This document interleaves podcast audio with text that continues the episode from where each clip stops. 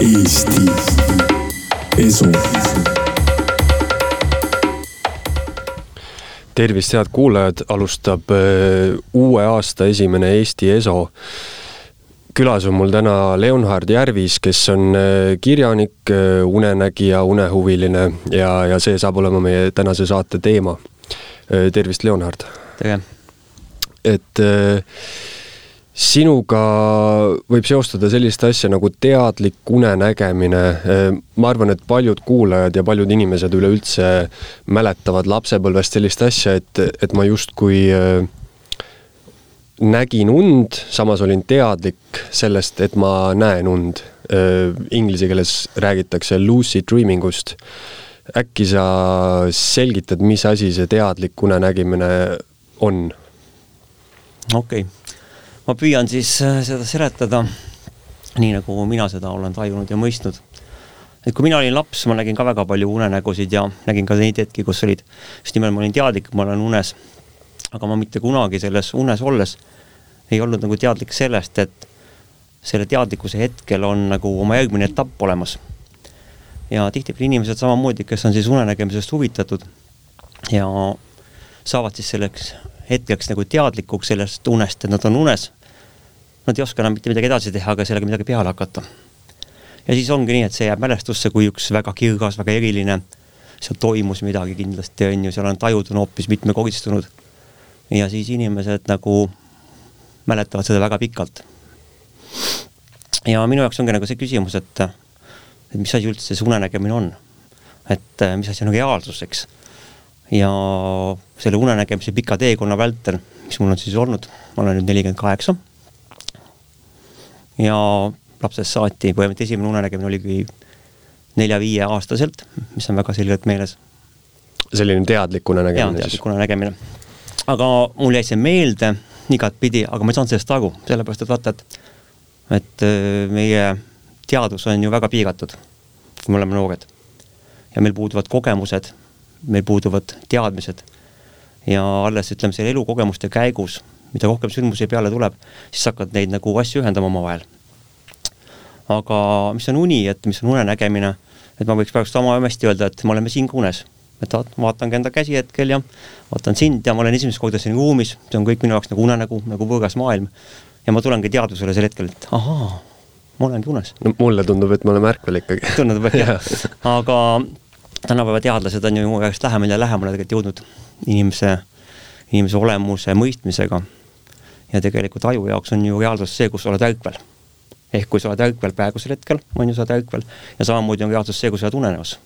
no ja selles mõttes äh, unenäos on tihtipeale nagu väga suur äh, tähtsus on emotsioonidel. selles mõttes, et kui sa und näed, siis sina arvad, et see on ikkagi reaalne ja noh, teadlased äh, vaatavad aju tööd, ei ole niimoodi, et su aju magades on täiesti pime ja, ja lülitub välja, vaid äh, ikkagi hull action toimub seal.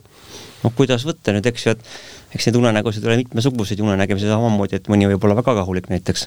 mul on palju tuttavaid, kes ju tegelevad unenägemisega ja ja ongi, et osad inimesed seiklevad, aga osad inimesed on hoopis teistsuguses miljöös kui seiklused see oleneb kindlasti ka sellest äh, üleüldis, üleüldiselt, et millist äh, elu inimene elab, sest äh, noh, ütleks, et väga suur protsent unenägudest on ikkagi selline argipäeva uuesti läbielamine, kuidagi veidralt näed mingisuguseid inimesi võib-olla, kellega sa oled kokku puutunud, aga nojah, tulles selle teadlikkuse juurde tagasi, et üldiselt öö, lapsena on paljud sellega võib-olla kokku puutunud, aga enamus täiskasvanuid, keda ma tean, ikkagi kas nad üldse vaevalt mäletavad enda unenägu või siis noh, teadlikkusest ei ole mingit juttugi.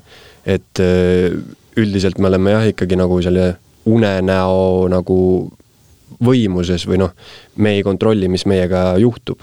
aga, aga miks see üldse niimoodi on, et, et see ära kaob, ütleme lapsena me näeme, võib-olla saame aru, et näeme und ja, ja siis kuidagi täiskasvanuna enam ei saa aru. kui ma olin mingisugune üheteistaastane, siis ma mõtlesin kõikide oma nende olnud asjade peale. ja ma mäletan seda, et mõtlesin, et vot kui ma täiskasvanuks saan, siis ma kirjutan raamatu unenägudest.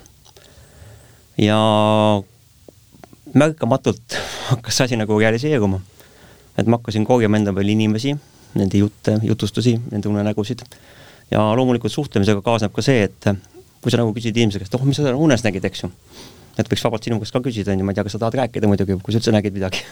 nägin küll jah, ja mul oli veel see, et äh, ma ärkasin üles varakult äh, mingisugune kella kuue ajal, siis ma mäletasin, mida ma nägin unes ja ma läksin tagasi magama, ärkasin üles kell kaheksa, enam ei mäletanud.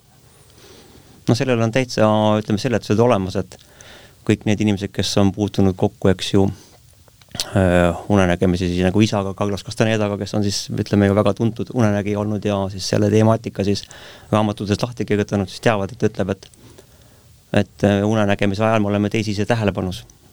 teine ise, eks ju.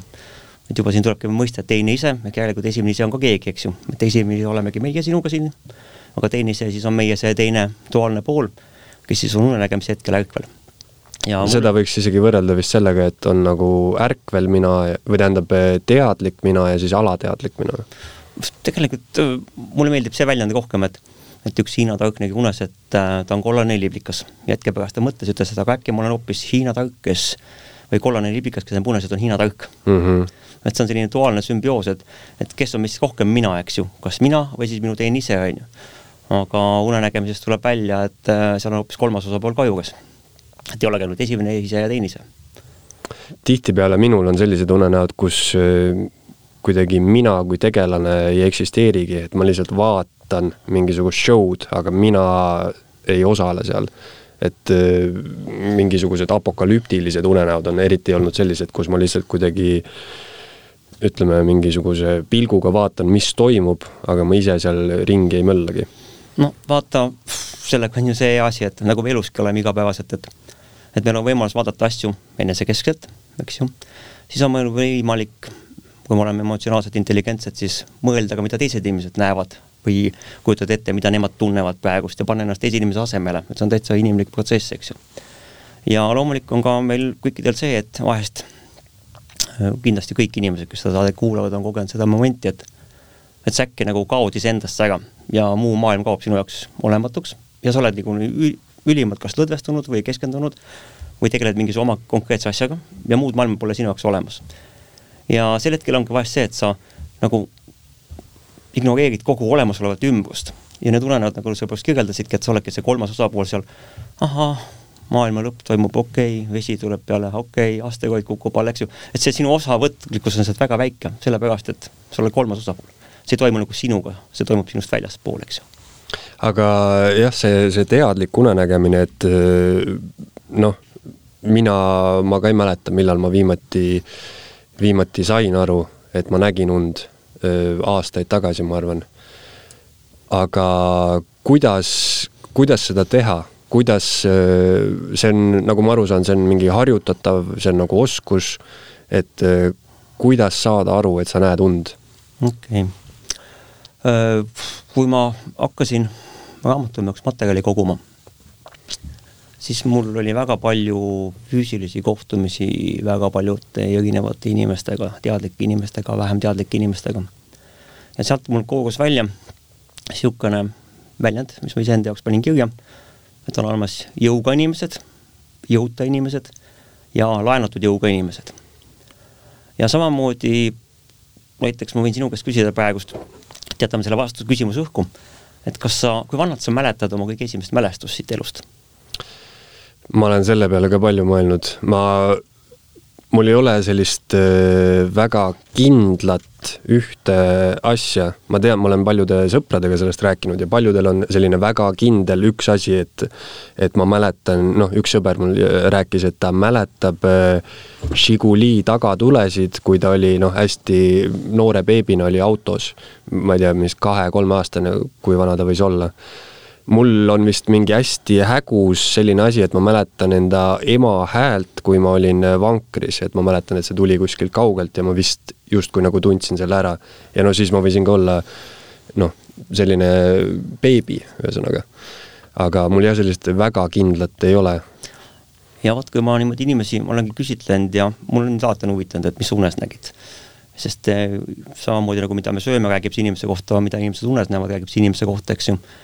Ja ega ma pole kunagi häbenenud enda unenägusid ja ma ei häbene ka seda teistelt küsida, sest see on üks loomulik osa, on ju, ja see on see osa, mida tihtipeale, kus tuleb välja nagu see meie tõeline olemus. et vaata, kui tavainimesed võivad kanda maske, igasuguseid, aga unenäos on see, et sa oled alasti iseendale, iseenda ees. vaatad iseendale näkku, on ju, sa ei saa seal eitada, et okei okay,, et ma tegelikult ei mõtle niimoodi. et vaata, meie ühiskonna tendents on see, et me mõtleme üht, ütleme teist ja teeme kolmandat, on ju. aga unenägemises ja unenägudes on see, et sa oled tegelikult silmitsi iseendaga sa ei saa iseennast petta, eks ju, sa oled see, kes sa oled, on ju, see tuleb välja täpselt sellisena, nagu sa oled seal. ja kui tulles nüüd tagasi selle küsimuse juurde, et kes üldse saavad seda, siis äh, mul kooruski välja nagu kolm kategooriat inimesi, kui ma neid niimoodi uurisin, küsitlesin, ma isegi näed, siin on üks paber praegust ees, et kuulaja selles mõttes ta ei näe, aga et samal ajal, kui me vestleme, sa võid ju ühe minuti jooksul või niimoodi joonistades üks puu siia peale, joonista selle paberi peale üks puu, tavaline puu, see on kohe väga hea test on tegelikult, on ju. Selline, nagu sa tahad. puutest. puutest on see, jah. ja tee selline, nagu sa arvad, et mis, milline peaks olema üks puu. ja mis see minu kohta siis näitab? mis see näitab sinu kohta või? esiteks see näitab väga sinu teadlikkuse taseme, teiseks see näitab väga selle varjatud iseloomu omadused, mis kohe ütleme esmapilgul, kui ma sind ei tunne, ei tea, on ju mm, -hmm. mis siis selle inimese kohta räägib, on ju, ja kolmandaks siis sa tegelikult positsioneerid just nimelt sellesamase joonistatud puu kaudu iseennast meie energeetilises kosmilises võrgustikus mm. -hmm. ja see kolm kategooriat inimesi siis oligi sellised, et on inimesed, kes mäletavad enda lapsepõlve väga varajasest saati, nagu sa ütlesid, alates ühest aastast, isegi enne seda, kõige varasem mälestus, ma tean, üks inimene ütleb, et ta mäletab oma sündi, üks inimene mäletab kuuekuuselt, üks seitsmekuuselt, minu endal on kaheksakuuselt on mälestus eks. kaheksa kuuselt? kaheksa kuuselt jah, mul olid mingid vastikud sipupüksid jalga ja mind hakati, ema pidi viima mind äh, sellesse tittede hoidu, ta pidi ise kuskil ära käima ja siis ta võttis mind sülest ja pani mind noh, lasteaias siis sellest titesõimest pani maha, ütles, et nüüd ma pean ära minema ja näed, et sealt tuleb see tädi ja tema võtab sind enda kätte. Ja see tädil olid hirmsad pruunid silmad, vaata sul on ka pruunid silmad, eks ju, aga need pole hirmsad, aga tema omad olid hirmsad olid kuidagi minu jaoks aga äh, huvitav, kuidas sa teadsid, et sa oled kaheksakuune, see oli pärast emaga rääkides? see oli niimoodi, kui me hakkasime niimoodi tuvastama, et, et mis aeg see võis olla, et mul olid niisugused helerohelised äh, määrdunud mingisugused totakad äh, kujundid olid siin peal, on ju mhm. niimoodi ja ta ütleski, et esimest korda, et ta viiski mind niimoodi, ütles kaheksa-üheksa kuuset, ma viisin sinna sellesse titesõime, esimest korda sa oled selles šokis eks ju ja ma hakkasingi meeleheitlikult nutma, et appi, appi, ma mäletan iseenda sisemuses, et vaata, et et ükskõik, mis hetkel sa ei lähe oma mälestustesse tagasi, siis see oled nagu kogu aeg sina olnud, eks ju. ja hoolimata sellest, et ma olin see titt ja see väike laps ja teadmatu, mis iganes, aga sellegipoolest, kui ma lähen mälestusse, ma mäletan seda nagu selget tunnet enda sees, seda pilku, millega ma isegi praegust on ju maailma vaatan samamoodi see ongi jah see, mis ta, mida paljud ütlevad, et neil on selline hästi-hästi selge mingisugune noh, aimdus või mingi mälestus, selline esimene hästi selge. jah, ja siis järgmine kategooria on inimesed, kes on ju, mäletavad alates noh, kolmandast eluaastast niimoodi ülespoole kuni viiendani, ja siis tuleb mingi kategooria inimesi, kes juba ütleme, põhimõtteliselt nende jaoks nagu lapsepõlve pole olemas, võib-olla mõned üksikud episoodid. Ja tuleb alles sel hetkel, kui nad juba siis seal koolis käivad, mingid sõbrad on, koole lõpetavad. Ja siin on nagu hästi hea selline test on inimeste puhul, et küsi inimese käest, et kas sa mäletad, mis sa tegid eile, kui sa hakkad nagu enda mõistusest läbi ketrama, et mis ma tegin terve eilse päeva jooksul ja taastama seda. ja kui sa oled läbi teinud, mõtled, et mis ma tegin üleeile, aga mis ma tegin nädal aega tagasi. ja kui sa niimoodi muudkui seda teed ja teed, siis sa saad aru, et neid hetki, millal inimene on teadvusel ehk teadlikult käitumas, siis need hetked jäävadki meelde. et seal, kus on, sa ütlesid väga õieti ennem, et, et sellel asjadel emotsionaalne maik, eks ju ja minu jaoks, kui ma seda raamatut kirjutasin ka, ta oli ka, et et mul unenägemises öeldi, et et tõelisi hetki kirjutatakse hinge emotsioonide tindiga. ja kui ma neid inimesi küsitlesin ka, tutvusin nendega ja siis tegin neid ka puuteste, igasuguseid muid niisuguseid vahvaid teste, siis äh, tuligi välja see, et äh, me mäletame kõige rohkem just nimelt needsamased emotsionaalsed kõrghetki. Ükskõik mis valdkonnast nad siis ka pole, kas ta on negatiivne emotsionaalsus on ju, või ta on positiivne emotsionaalsus, eks ju, me mäletame seda. Ja see on nüüd see, et, et vaata, et miks see niimoodi on, et et tegelikult sel hetkel see puudutab meid, mõistad, ta kuskilt sügavalt tuleb meie sisse ja see on see, kuidas me reageerime selle peale, eks ju. ja, või siis äh, ma ütleks jah, et äh, me mäletame võib-olla ka midagi sellist, mis eristub kuidagi, et äh, jah, autopiloodil, sa sööd võib-olla iga hommik sööd äh, muna, on ju, ja noh, seda sa otseselt nagu ei registreerigi, ei mäletagi, see on nagu rutiini osa, on ju. just, just. vot ja samamoodi, et me käimegi, kui hakkad vaatama inimesi ka, et need, kes nagu mäletavad, kes mäletavad siis enda lapsepõlve ajast peale ja kes on ka väga head unenägijad alati, eks ju. Nemad siis äh, sõna otseses mõttes, neis on palju rohkem teadlikkust mm. -hmm. Nad teavad kõiki asju niimoodi palju rohkem teadlikumalt. valivad, mida suhu panevad, vaatavad, kus nad lähevad, mõtlevad, mida nad teevad, eks ju, ja ma alati küsin ka inimeste käest, et kui nad mulle mingeid asju jagavad, küsin, et aga mida sa tegelikult tunned? mida sa tegelikult tunned, on ju ja väga paljud inimesed kimpus selle vastusega, et aa, ma ka, ma ei tea, mida ma tunnen ja siis hakkavad oletama, mida nad tunnevad või mõistusega mõtlema, mida nad tunnevad. ja see on ka alati selline klass, et kuhu ma võin tulpale ühe plussikese tõmmata, et et kui inimene ei tea, mida ta tunneb ja mida ta tegelikult tahab, on ju, et siis on seal päris palju tühjust või siis ütleme sellist valgustamata ruumi, kus võiks nagu teadlikuks saada.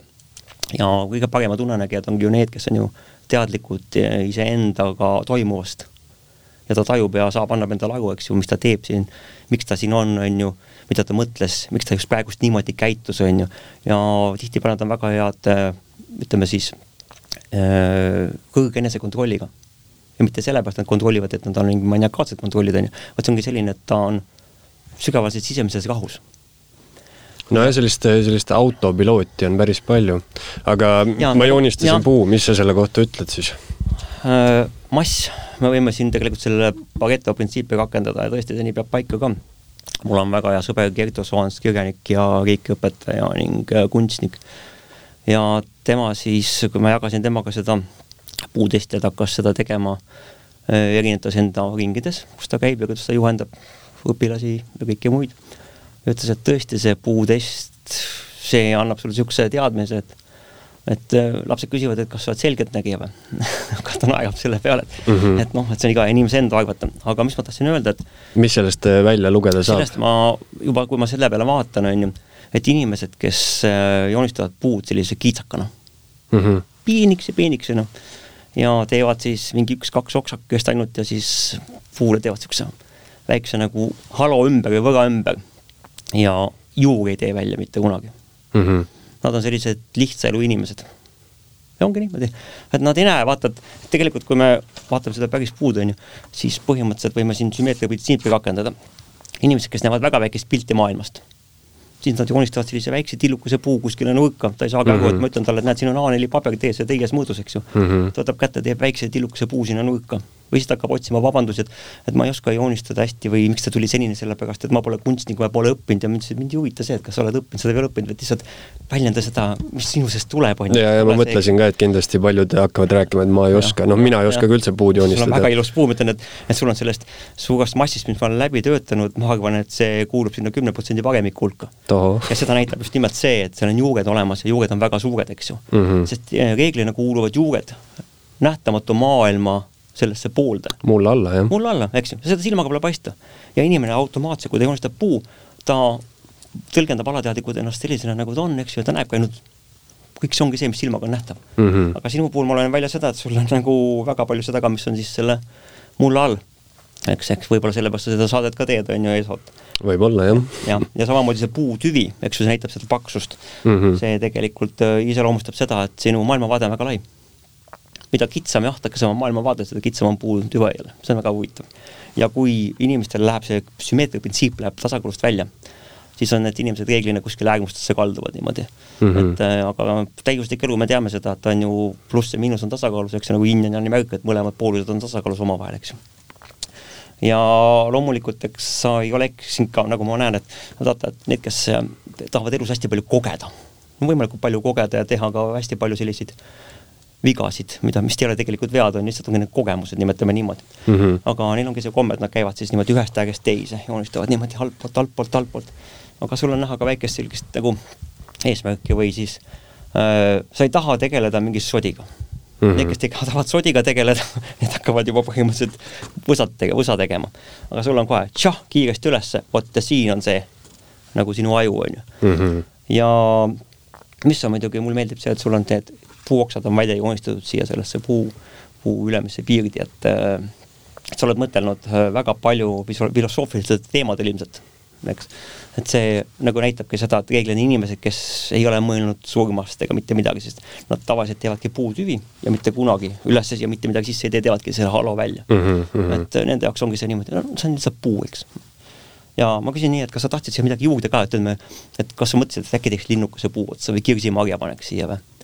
Ainuke asi, mis ma mõtlesin, on see, et miks ma selle mustri tegin tüve peale, on see, et mu perekonnanimi on Kase ja siis mul kasepuud nagu okay. sümpatiseerivad alati. ma seda mõtlesin, et huvitav, miks see kask on, ta näeb välja nagu tamm, aga ta näeb välja nagu tamm, aga kasemustriga selge, et igal asjal on oma loogika sees, et ja, ja, ja. üks inimene oli, kes oli selline äh, väga kõrgesti reguleeritud, haritud inimene, aga tema tegi kirsimarja, tegi puu otsa. ma küsisin mm, -hmm. miks see seal on, eks ju, ta ütles, aga see on sellepärast, et ei saa olla lihtsalt puu puust peab midagi kasu olema ja temal elus on kõik asjad on kasu pärast, eks ju, noh mm -hmm.. et see ongi, et äh, niimoodi see puutest vaikselt kulgeb ja selle puutesti sain ma niimoodi unenägemises. et selle läbi on võimalik, et kui sa, mind pandi ennast puud joonistama unenägemises ja siis, kui ma selle niimoodi tegin ära, siis mul räägiti lahti, et mis see endast kujutab, eks ju. et mitte mina ise, vaid see oligi nagu hääl. teadsin, nagu teine teadus räägib minuga. ja siis ma hakkasin seda vaikselt siin maailmas juurutama, inimeste peal proovima ja sellest siis sündis üks, teine, kolmas, neljas asi. ja kui me ennem rääkisime sellest, et kes siis on need parimad unenägijad, on ju, et need on need, kes siis ju kindlasti mäletavad oma varajast lapsepõlve. teiseks on sealjuures üks, ütleme, seal on võimalik kahte tahku nagu lõigata lahti. et on inimesed, kes siis mäletavad piltidena, on inimesed, kes mäletavad tõesti nagu ühte mingisugust kindlat sellist nagu nagu, nagu sa ütlesid, Žiguli taga tuled, tulesid, eks ju. aga on inimesed, kes mäletavad tervet toimunud situatsiooni. ja on inimesed, kes mäletavad isegi, mis värvi tapeet oli, mis ruumis ta oli, millised inimesed tema ümber olid ja nad suudavad ka seal selles mälestuses, kui ma ütlen, et tuletame selle meelde, minna selles mälestuses tagasi ja pöörata ennast ringi ja näha ka, mis neil selja taga oli. et ne, ja siis ma mõtlen, et okei okay,, ma vaatan puupilti, ütlen selge, juured on olemas, see juba klapib, et mälestused on olemas nullist kuni kolme eluaastat. see juba märgab ka selle, et järelikult on inimesel teadlikkus väga kõrgel tasemel. ja põhimõtteliselt nendel on nagu, ütleme siis niimoodi, et, et võiks nimetada, nad on jõuga inimesed, eks ju mm. -hmm. ja rännatud jõuga inimesed on need, kes jälle ei ole võib-olla sünnipäraselt nii teadlikud olnud ja on iseennast üles töötanud, aga nad oma elu ja käitumisega ei tee oma kehale kahju. vaata, meil on võimalik nii nagu, et vaata, sa tunned nälga, eks, oled näljane, mis sa teed, sa lähed sööma, eks. ja tahad, sul on janu, sa lähed jooma. aga me teame seda, et on hästi palju igasuguseid tegevusi, mis siis kas tõstavad meid või siis langetavad meid, on ju ja ma ei hakka siin nüüd äh, mingit toitumisalast informatsiooni on ju jagama, et igaüks ise teab, et kuidas ta toitub ja mida ta sööb, on ju. aga kõik need asjad, mis tekitavad meil pärast söömist, on ju sellise loiu enesetunde. et ma tahaks nagu magada või tahaks leiba luusse lasta, vot väga hea, vanad eestlased leiba luusse kogu aeg. see näitab tegelikult seda, et äh, keha sel hetkel hakkab kulutama siis energiaressursse olemasoleva toidu seedimisele ja see, mis võiks tegelikult minna unenägemisse, mis on, nõuab seda just nimelt seda lisaenergiat, see läheb kaduma. ja kui sa ennem küsisid, et miks väga paljud enam suurest peast ei näe neid asju, siis ongi see, et et me igapäevaselt inimestena teeme asju, mis meil tegelikult ei meeldi teha. ja selle asemel, et need meid kannustaksid, innustaksid, on ju, ja annaksid energiat, me tegelikult äh, tapame seda igat moodi. ja ma tabasin selle esimest korda ära, kui ma olin samamoodi koolis ja mulle üldse ei meeldi matemaatika. kuigi ta oli mul viis aga ma tundsin, et ma pean ennast pidevalt sundima seda asja tegema. iga kord, kui ma sundisin, mul pärast seda peavalud, mul oli vastik tunne ja see polnud nagu üldse see, on ju. ja siis ma hakkasin jälgima ennast juba hästi noorest peast peale, et, et mis mul tekitab selliseid tundeid veel. siis tuligi välja, et on väga palju tegevusi, mis olid minu jaoks ja mis ei olnud minu jaoks ja ma hakkasin neid niimoodi teadlikult kõrvale lükkama, et kõik, mis pole minu jaoks, järelikult laseme läbi sõrmede, läbi sõrmede, ei huvita, ei huvita. ja hiljem, kui siis ma hakkasin erinevate selliste inimestega, teadlike inimestega kokku puutuma, siis selguski see tõsiasi, et et see on selline inimese alateadlik käitumismuster, et kuidas nagu hoida energiat endas alles. et mitte seda kulutada tühiste inimeste peale, tühiste tegemiste peale, vaid see ongi see, et sa öö, õpid elama selles keskkonnas ja vahest ei saa seda keskkonda määrata ega mõjutada, on ju. ja siis sa teeksid sellist asja, nagu nimetatakse kontrollitud naeruseks. et see, kes on Carlos Castanedega tuttav, teavad, et kontrollitud naerus on selline väga vägev termin aga see on siis see, et kus sa teadlikult paned endale mingisuguse maski pähe ja nüüd sa innustunult teed seda kõige vastikumat asja iseenda jaoks kõige paremas võtmes ja annad ennast parima, tõesti annad parima. ja järgmise hetke, kui see tegevus on läbi, sa paned selle maski enda eest lauamaja peale maha ja ütledki niimoodi, et kõik, see episood on läbi ja nüüd ma olen jälle mina ise tagasi. huvitav, kas see tuleb ka unenägudes välja, ütleme, kui inimene näiteks teeb tööd, mis talle ei meeldi ja siis kas ta öösiti tulevad need painajad välja, et tegelikult sa ei peaks seda tegema ja tee midagi muud ja. Äh, on küll jah, inimesed, kellega ma olen rääkinud ja kes on ise rääkinud, et kellel on tekkinud see töörutiin, siis äh, nad näevad äh, väga tihti, et tööl läheb midagi valesti, läheb halvasti, ta saab põiendada, ta lastakse mm. lahti niimoodi, ta ei tule toime, eks ju, selline abituse tunne tekib sisse. ja muidugi üks, Freudil oli ka selline tähelepanek oli, et inimesed, kes näevad, et nad eks ju, oma töökaaslastega on seksuaalses vahekorras, eks ju, siis oli niimoodi, et öeldakse, et esimene märk sellest, et sul on aega töökohta vahetada, eks ju. et sul on seal väga igav, kui su mõte läheb kuskil muude asjade peale. no Freudil oli jah, kõik oli seks põhimõtteliselt. aga äh, iseenesest äh, huvitav asi, et ma kuidagi loogiliselt mõeldes eeldaks seda, et inimene, kes ei ole enda tööga rahul, siis ta näeb pidevalt unes, et ta teeb midagi, midagi hoopis muud aga noh, unesid vist ei saa nagu niimoodi üks-ühele selgitada, on ju, et see ei allu nagu mingisuguse meie, meie tavaloogikale, et umbes, et kui sa äh, tegelikult äh, peaksid olema või tahaksid olla sügaval alateadvuses, tahaksid olla maalikunstnik, aga oled pankur, siis tegelikult ei ole niimoodi, et sa vist näed unes, et, et sa teed maale.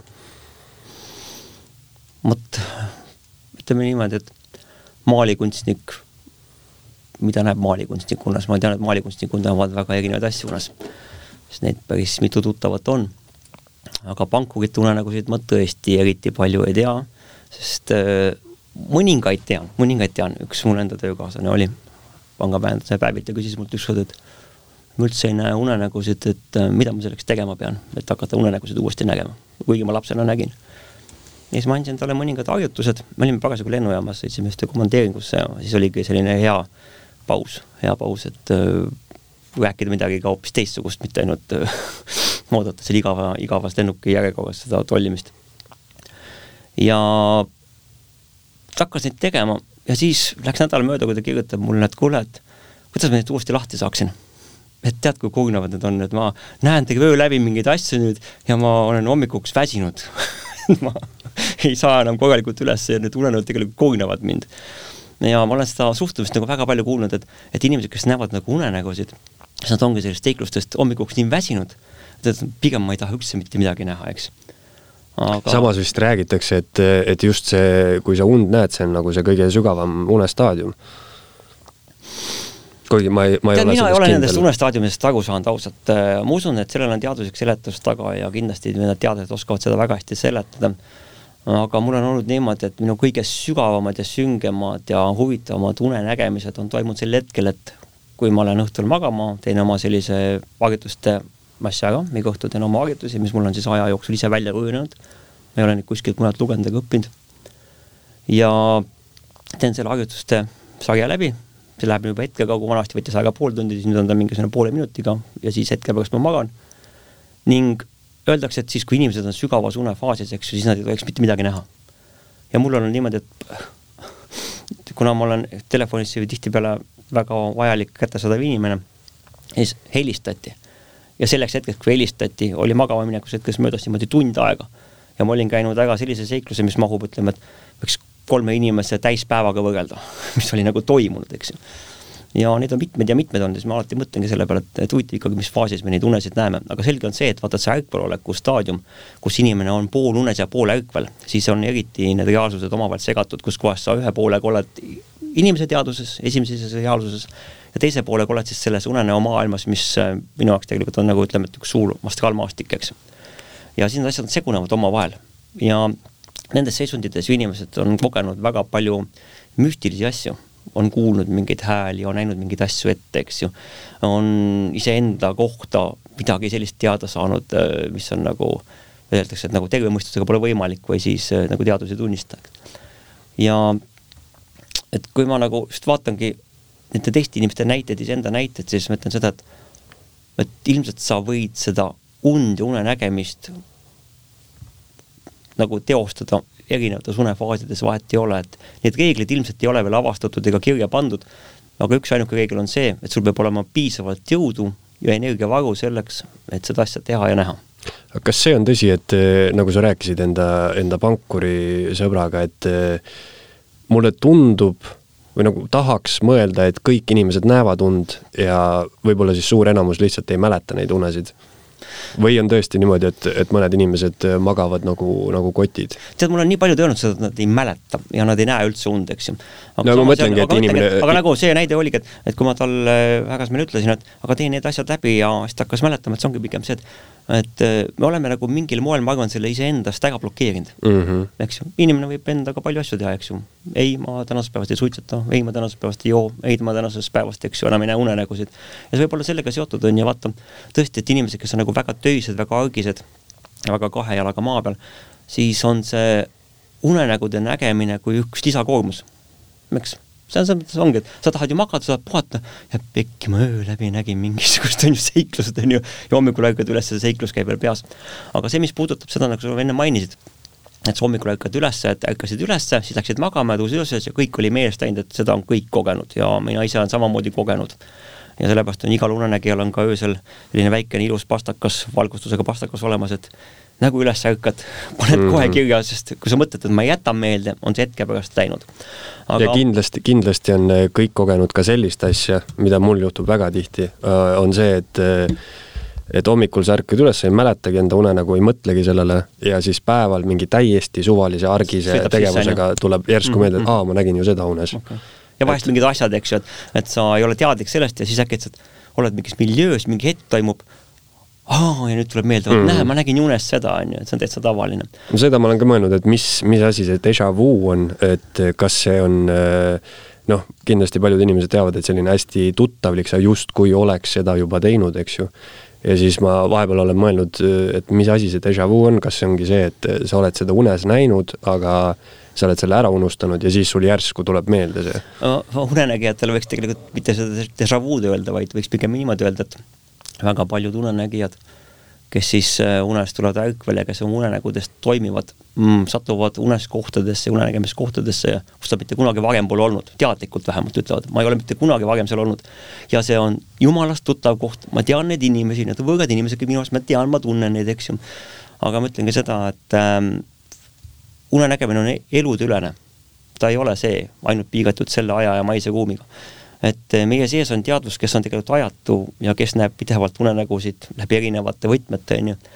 ja ühes unenägemises mul oli, ma ükskord taotlesin just nimelt, et vaata, et on võimalik kutsuda endale esile unenägusid, et näha midagi, isegi näha sellele järge, järge, et kui me võtame lahti nagu Tiibeti unejooga siis Tiibeti unenäojoogas raamatus ju õpetab isegi seda, ütleb seda, et kuidas inimene võib endale hakata tellima unenägusid ja saada õpetusi siis unenägude kaudu ja need on ju seal kõik kirja pandud tekstid, kuidas siis üks, teine ja kolmas asi teha, eks ju. aga ma tean, et inimesed, kes pole kunagi seda lugenud, siis võivad seda samamoodi teha. et ongi, et ta teab, et ma nägin täna väga põnevat unenägu ja selle peale soovitataksegi, et et võta kätte see viimane lõik, mida sa eilsest unenäost mäletad, eks ju, hoia seda kujutust endale enne magama jäämist silmade ees niimoodi ja see seiklus jätkub, eks ja samamoodi näiteks nagu praegust on ju, sa mäletad oma seda lapsepõlve episoodi, eks. et äh, kui sa võtad selle endale silmade ette ja kujutled seda ja käid selle läbi ja käid läbi mitmeid kooridi, siis sa tegelikult saad ka teistele mälestustele ligi, mis on praegu sinust nagu blokeeritud. sest see on selline, mm, ütleme, et, et me õpetame iseenda teadvust uuesti taas märkama või avanema iseenda jaoks teadlikuks saamise puhul, eks. ja Äh, kui ma siis tegin selle taotluse, et ma soovin nagu mõista seda, et miks on see nii, et et me lähme nagu tundmatusse kohtadesse ja vaatame, et ma olen siin olnud, ma tean seda kohta, on ju. siis äh, minu jaoks sel hetkel siis äh, unenägemise kosmiline jõud, nimetame seda niimoodi, seletas sellest lahti, ütles vaata, et et kui me võtame sellise paberi ja joonistame siia peale sellised triibud ja tõmbame sellise ruudustiku, siis äh, on iga see unenägu üks unenäokaart seletaski niimoodi, unenäokaart mm. -hmm. ja see unenäokaart on erinevates aegades, eelmistest elust, tuleviku eludes, sest et tulevik ja olevik, tulevik ja minevik, eks ju, on oleviku paralleelmaailmad. ja sinu teadvus on suuteline ületama neid, küsimus on selles suunas, et kuhu poole sa lähed, eks ju, kas sa lähed tulevikku või lähed minevikku. ja kui sa oledki ühes kohas käinud ja nüüd selle hetke teadvusega jõuad siis samasse punkti, siis on see sinu jaoks tuttav, aga tegelikult sa oled juba seal ees olnud, on ju. Ja kui hakata siis niimoodi mõtlema ja tõesti, kui ma olen küsinud neid inimesi ja uurinud ka, et, mismoodi te siis neid kohti mäletate, onju. et kus siis te olete nagu tuttavad ja need inimesed, millised nad välja nägid, on ju siis nad nagu teadagi, et oh, et see inimene on selline ja ta oli selline, oskavad hästi palju kirjeldusi ja rääkida lahti, et mis, millega tegu on. mõistad, see on nagu päris reaalsus nende jaoks. et ei ole mitte kujutatav, vaid see ongi nagu päris reaalsus olnud nende jaoks. no selles mõttes jah, loogiliselt mõeldes äh, noh, unenägusid äh, võiks ju justkui pidada tühiseks, et mis see on, see on mingisugune lihtsalt alateadvuse virvarr, mis toimub, on ju. aga noh, kui mõelda füüsilise peale, siis su keha taastub äh, magades, on ju, sa puhkad ennast välja ja samamoodi võiks äh, unenägemise vajalikkust selgitada, et sul justkui, ma ei tea, emotsionaalselt taastub või mingisugused asjad, mis on võib-olla, ma ei tea, puntras sul peas, siis need kuidagi alateadvuslikult äh, saavad selgeks nii-öelda und nähes. vaata, lapsena ma ei osanud selle peale niimoodi mõelda aga oli asju, eks ju, mis olid sellised meeldivad asjad, olid asjad, mis olid nagu mittemeeldivad asjad, eks ju, kõikidel on elus selliseid musti palle ja punaseid palle, nimetame niimoodi, on ju. ja aga kuidas meid õpetatakse, kui me hakkame nagu vaatama selle peale, et kuidas meid õpetatakse, mismoodi me kasvame selles ühiskonnas ja selles süsteemis, kus me oleme. see ongi see, et äh, tegelikult meid õpetatakse duaalsete printsiipide järgi hea, vale, õige, paha, eks ju. kõik asjad on niimoodi üles ehitatud. kui sa teed midagi valesti, järgneb sellele karistus, on ju. Ja vot see duaalsusprintsiip läbib meid nagu terve elu ja see käib meiega ka unenägemises kaasas ja seal inimene kohtubki tihtipeale iseendaga.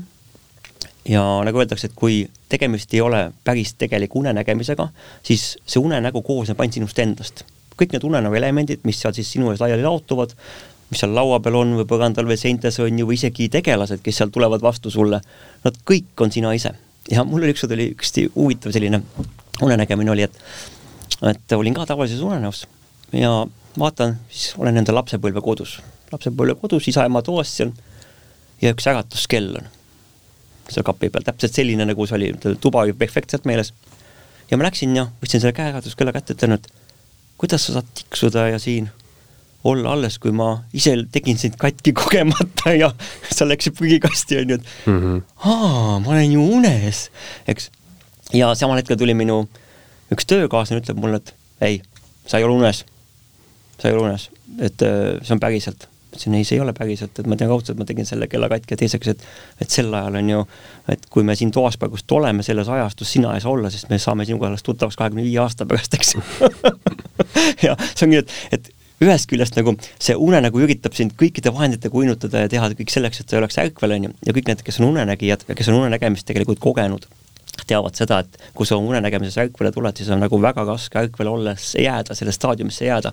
sest iga hetk, mis sa seal nagu liiga kaua aega veedad, püüab see unenägu endaga kaasa tõmmata ja siis tihtipeale ongi niimoodi, et need unenägemised lähevad üle väga kiiresti unenägudeks uuesti tagasi. ja selleks, et on ju välja mõeldud siis samane meetod, et et sa ei tohi nagu unenägemise teadvusele hetkele tulles, kui sa tuled teadvusele äh,, midagi liiga kaua passida mm. -hmm, et see imeb sind mm -hmm. endasse, et see ongi, et sa võid vaadata selliseid põgusaid pilte, aeg-ajalt vaatad oma käsi näiteks, on ju, või siis ütled endale, ma olen unes ja siis vaatad uuesti, vaatad uuesti, sest iga asi, millesse sa piisavalt kaua oma tähelepanu pöörad, võib kohe unenäoks edasi üles minna. ja neid, seda seisundit, eks ju, kus sa oled, siis ärkvel olekus, seda võibki siis tegelikult enda kasuks tööle panna. et sa küsisid, milleks siis unenäod on vajalikud, on ju minu jaoks on see väga suur õpikeskkond olnud, sest nii palju, kui ma ennast mäletan, kõik unenäod, on olnud suunavad, nad on alati olnud. ja iga kord ma mõtlesin selle peale, et miks ma nägin seda niimoodi, et mida see tähendab, eks ju, miks ma käitusin seal niimoodi, et ma tegelikult ei ole ju selline inimene, ma ei käituks ju niimoodi, eks ju. ja see on teinud just, just nimelt äh, nagu seda, et ma olen iseendasse hästi palju tänu sellele vaatanud ja läbi käinud tõmmata kitsaskohad, et kas ma siis olen see või ei ole see, on ju ja lõppkokkuvõttes siis, kui ükskord ma sain täiskasvanuks ja see aeg läks edasi ja unenägud käisid edasi, unenägemised käisid edasi, siis ma sain ka aru, et meil on see kaks iset, on ju, esimene ise on see maine, kes on see mõistuslik, kes on siin siis selles reaalsuses tuginev ja siis see teine ise on siis see, kes on nagu ütleme, meie duaalse, teine, duaalne teine pool. Ja tema siis sõna otseses mõttes vaatab ka meid nagu unenägu ja meie vaatame teda nagu unenägu ja päevasel ajal oleme meie ärkvel, on meie aeg ja öisel ajal on tema aeg, eks ju. ja siis sinu mõistus vahest kohtubki seal kahe piiri peal niimoodi, et sul on teisise teadmine ja esimese teadmine ja siis tekib niisugune, et mõtled, aga kus ma siis tegelikult praegust olen, on ju, kes ma mm. siis tegelikult praegust olen, on ju. no sellised äh, mingisugused väiksed äh, märgid nagu noh, ma ei tea, ma arvan, paljud inimesed saavad aru, et kui unes kella vaadata, siis täpselt ei saa aru, mis see kell on. või, või nagu sa rääkisid, siis äh, no aastaid tagasi, kui ma esimest korda kuulsin sellest äh, lucid dreaming ust, see oli veel, äh, minu arust oli see ühe filmi kaudu, filmi nimi on Waking Life Äh, selline animeeritud film, kus siis peategelane rändab mööda unesid ja proovib üles ärgata. mingi kaks tuhat üks on see film vist. ja seal oli üks hästi huvitav asi, mis mind, mis mind nagu paelus, oli see, et räägiti ka sellest teadlikust unenägemisest ja et noh, seal on võimalik kõik, on ju, kõik, mida sa tahad teha. ja siis üks tüüp rääkis, kuidas ta arendas välja endale teadlikus unenäos nagu kolmsada kuuskümmend kraadi nägemise. ja siis ma nagu proovisin seda ette kujutada, et kuidas, kuidas see nagu võimalik on, eks ju. Ja, ja aastaid tagasi siis ma üritasin seda teha, guugeldasin, kuidas seda teha, räägiti, et pea unepäevikut ja noh, vaatagi enda käsi ja, ja mis iganes sellised asjad. Ja ausalt öeldes üks asi, ma pidasin seda unepäevikut võib-olla mingi, võib-olla kuu aega ja põhjus, miks ma lõpetasin, oli see, et Äh, noh, nagu sa ütlesid, et, äh, et inimestel on valgusega pastakas, on ju, mul oli ka, ma tõesti proovisin nagu kõik üles kirjutada kohe, kui ma nägin, aga ma märkasin võib-olla esimese nädala ajaga, kuidas see unemälu läks lihtsalt nii jõhkraks, et äh, mu unenäod olid nagu nii detailsed ja põhimõtteliselt ma lõpetasin sellepärast, et ma oleks pidanud iga kord, kui ma üles ärkasin, ma oleks pidanud nelikümmend minutit kirjutama seda noh, nii täpselt hakkasid mäletama enda unenägusid. Ja, ja siis äh, ja lõpuks mul juhtus see, et ma ärkasin siis üles unenäos ja ma läksin muidugi nii äksi täis, et ma mõtlesin, oh nüüd, nüüd juhtub, nüüd juhtub ja siis ma ärkasin üles. ja see oli võib-olla jah, mingi viis aastat tagasi, rohkem ma ei ole nagu teadlikult sellega tegelenud. aga jah, kui rääkides, rääkides kasust, siis no hästi palju räägitakse sellistest tüüpunenägudest, mis inimestel on. minul oli väikse lapsena oli tüüpunenägu, oli äh, kosest, suur, kõrgest kosest alla hüppamine ja, ja siis tekkis kõhtu, tekkis selline õõnes tunne, et sa langed. ma tean, mu ema on rääkinud, et temal oli selline nagu just seesama tunne, aga temal oli sellise unega, et ta ronis redelist üles ja siis redel hakkas niimoodi noh, nagu selg ees on ju, kukkuma ja siis seesama nagu õõnes tunne kõhus. et ja noh, igasugused erinevad tüüpluupainajad, inimestel hambad kukuvad välja, ma ei tea, alasti peavad kuskil publiku ees olema. et mulle tundub, et kui sa nagu oled teadlik unes, siis sa justkui noh, ütleme, kui keegi ajab sind taga ma ei tea, aastaid näed mingisugust unenägu, keegi ajab sind taga ja kui sa justkui suudaksid teadlikuks saada, siis sa lihtsalt võib-olla keeraksid ümber ja vaataksid, et asi ei olegi nii hull. et võib-olla saaks nagu mingisugused luupainajad ära lahendada või, või mis, mis nagu kasusid või, või miks sellega üldse võiks tegeleda? Äh, küsin niimoodi, et mitu tundi sa päevas magad või ööpäevas, nimetame siis niimoodi? No ma ütleks, et Äh, enam-vähem mingi seitse kuni üheksa. eks ju. Äh, ja sellest järelikult ütleme, võtame siis ütleme üheksa või mis parem oleks, jagame kakskümmend neli, jagame kolmeks mm. -hmm. kaheksa. et sellest kaheksa tundi igast päevast oled sa blackout'is või näed midagi, millest sa võib-olla mäletad midagi, võib-olla millest ei mäleta midagi. Aga kujuta nüüd ette olukorda, kus see kaheksa tundi võiks nagu panna just nimelt selles mõttes, et teadlikkuse mõttes enda kasuks tööle. et sa võid ühe öö jooksul näiteks elada ühe täispikka elu. kujutad ette, või mind näiteks lapsena imponeeris väga see, et ma mõtlesin, et aga huvitav, mismoodi mõtleb kotkas mm. -hmm. mida tunneb öökull? Mida mõtleb rebane, kui ta nagu elab oma urus, eks ju, mind, mul meeldisid niisugused küsimused. Et ma lugesin kunagi mingit raamatut, see mingi lasteraamat oli ja seal oli üks selline tagurpidi küsimus oli, et miks on äh, hingedel sahtlid ja miks on voogudel kassid, eks? Ja siis pärast seda, kui ma olin seda lugenud, siis ma hakkasin ka samamoodi mõtlema, et huvitav, aga kui me pöörame nüüd selle küsimuse vastupidiseks, et et äh, miks on siis inimesel unenägu ja miks on unenäol inimene, on ju, ja nüüd on, mis siis sellest kasu saab kujuta ette, et sa võid see kaheksa tundi näiteks, mis sa oled muidu blackout'is, eladagi ühe täispikka elu ja oled näiteks kotka sees ja elad läbi kogu selle maailma, kogu tema tunnetusprintsiibid, see kõik, mis on tema elus, mis, millest koosneb tema elu ja koged seda, olles nagu see loom ja lind, eks ju. ja mul on seda olnud ja väga paljudel inimestel on seda olnud, nad ütlevadki, et, et see annab neile selle lisamõõtme, et nad võivad nagu just nimelt, õppida midagi. et äh, minu jaoks on hästi oluline olnud see, et ka et loomulikult õppida, aga just nimelt, et teadvust avardada, et saada nagu teadlikumaks, et vaata, meie tõde on ju piiratud teadvuse teadlikkusega ja sellest ei saa ennem aru, kui sa nagu saad aru, et et iga kord, kui sa saad midagi teada, sinu see teadvuse piirid laienevad ja laienevad ja laienevad. ja kas sellel on piiri, ma arvan, et sellel on täpselt sama palju piire, kui on universumil, on ju seda diameetrit mm -hmm. pikkusesse, laiusesse. Ja vot see ongi nüüd see koht, et, et kui sa nagu oled siia ellu tulnud õppima ja omandama midagi, siis võiks ju kogu selle aja täisväärtuslikult ära kasutada, mitte siis mingisuguseid teatud hetke ainult sellest, eks ju ja teine asi muidugi, mis ise ju välja tõid, oligi tõesti, et, et väga paljud inimesed on saanud oma foobiatest lahti. eks, mingitest hirmudest lahti ja mul on ka päris mitmeid tuttavad, keda ma siis olen soovitanud ja aidanud ja olengi nagu äh, suunanud sinna suunas, et nad saaksid oma hirmudest lahti, et vaata, et, et sa ise ei lähe füüsilise kehaga üheksakordse maja katusele, ei hüppa sealt alla ja kukud, ma kukun surnuks, eks ju. või inimesed, kes kardavad kõrgust, aga unenägemises, kui sa tuledki teadlikuks, sul on võimalik seda teha. ja ma mäletan ise näiteks, kui ma olin ka laps, siis äh, ennem sa rääkisid seda, et et koogituvalt unest ärkas seal üles seesamane film, mis oligi see Walking Life, eks ju, kaks tuhat üks. Waking, Waking, Waking, ah, Waking, Waking Life, ma ütlesin valesti. et, äh, et kui sa olid nagu selles unenäos, siis minul oli ka, et, et ma ärkasin üles unest ja ma ärkasin täitsa tavalisse maailma ja hakkasin tegema asju ja ma sain aru äkki, et ma olen jälle unes mm. -hmm. ja ärkasin uuesti ülesse ja mõtlesin, et nüüd olen üleval, aga olin ikka veel unes ja mul tekkis selline paaniline hirm juba sisse, et kaua võib, et mingisugune viis korda olen juba ärganud ja välja ei saa, vaata tekkis niisugune hullu, hullu, hullunud vangistatuse tunne, et appi, appi, mis toimub, eks, et ma tahaks, aga sa oled, kui sa oled väike laps, on ju, siis need asjad on niisugused hirmutavad võtmetes. ja mingi hetk oligi niisugune periood, et kui ma sealt lõpuks üles sain, siis ma nagu kaksin tükk aega magama jääda pärast seda, et ma mhm. üritasin lugeda ennast nagu sodiks, et lugesin ja lugesin igasuguseid raamatuid, peaasi, et mitte uni peale ei tuleks, eks ju, et oleks hakata nagu kartma neid asju. ja samamoodi siis lapsed nagu väga tihti kardavad ju surma, eks ju, kui, mis midagi juhtub vanematega ja midagi juhtub iseendaga või kellegi teisega. see, see on täpselt nagu selline unetasanditesse mingi sukeldumine, nagu noh, hästi kuulus film Inception oli sellest, kus äh, on ju inimesed arvasid, et nad peavad üles ärkama ennast ära tappes, eks ju.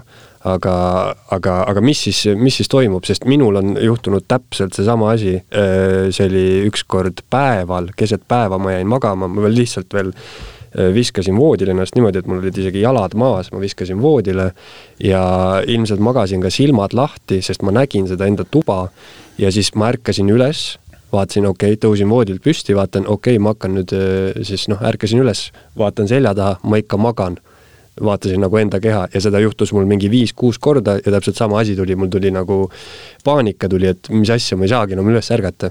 et aga mis, mis asi see on, kas see on mingi uneparalüüs, mu sõber ütles seda, selle kohta astraalrännak või mis, kuidas nagu seda põhjendada?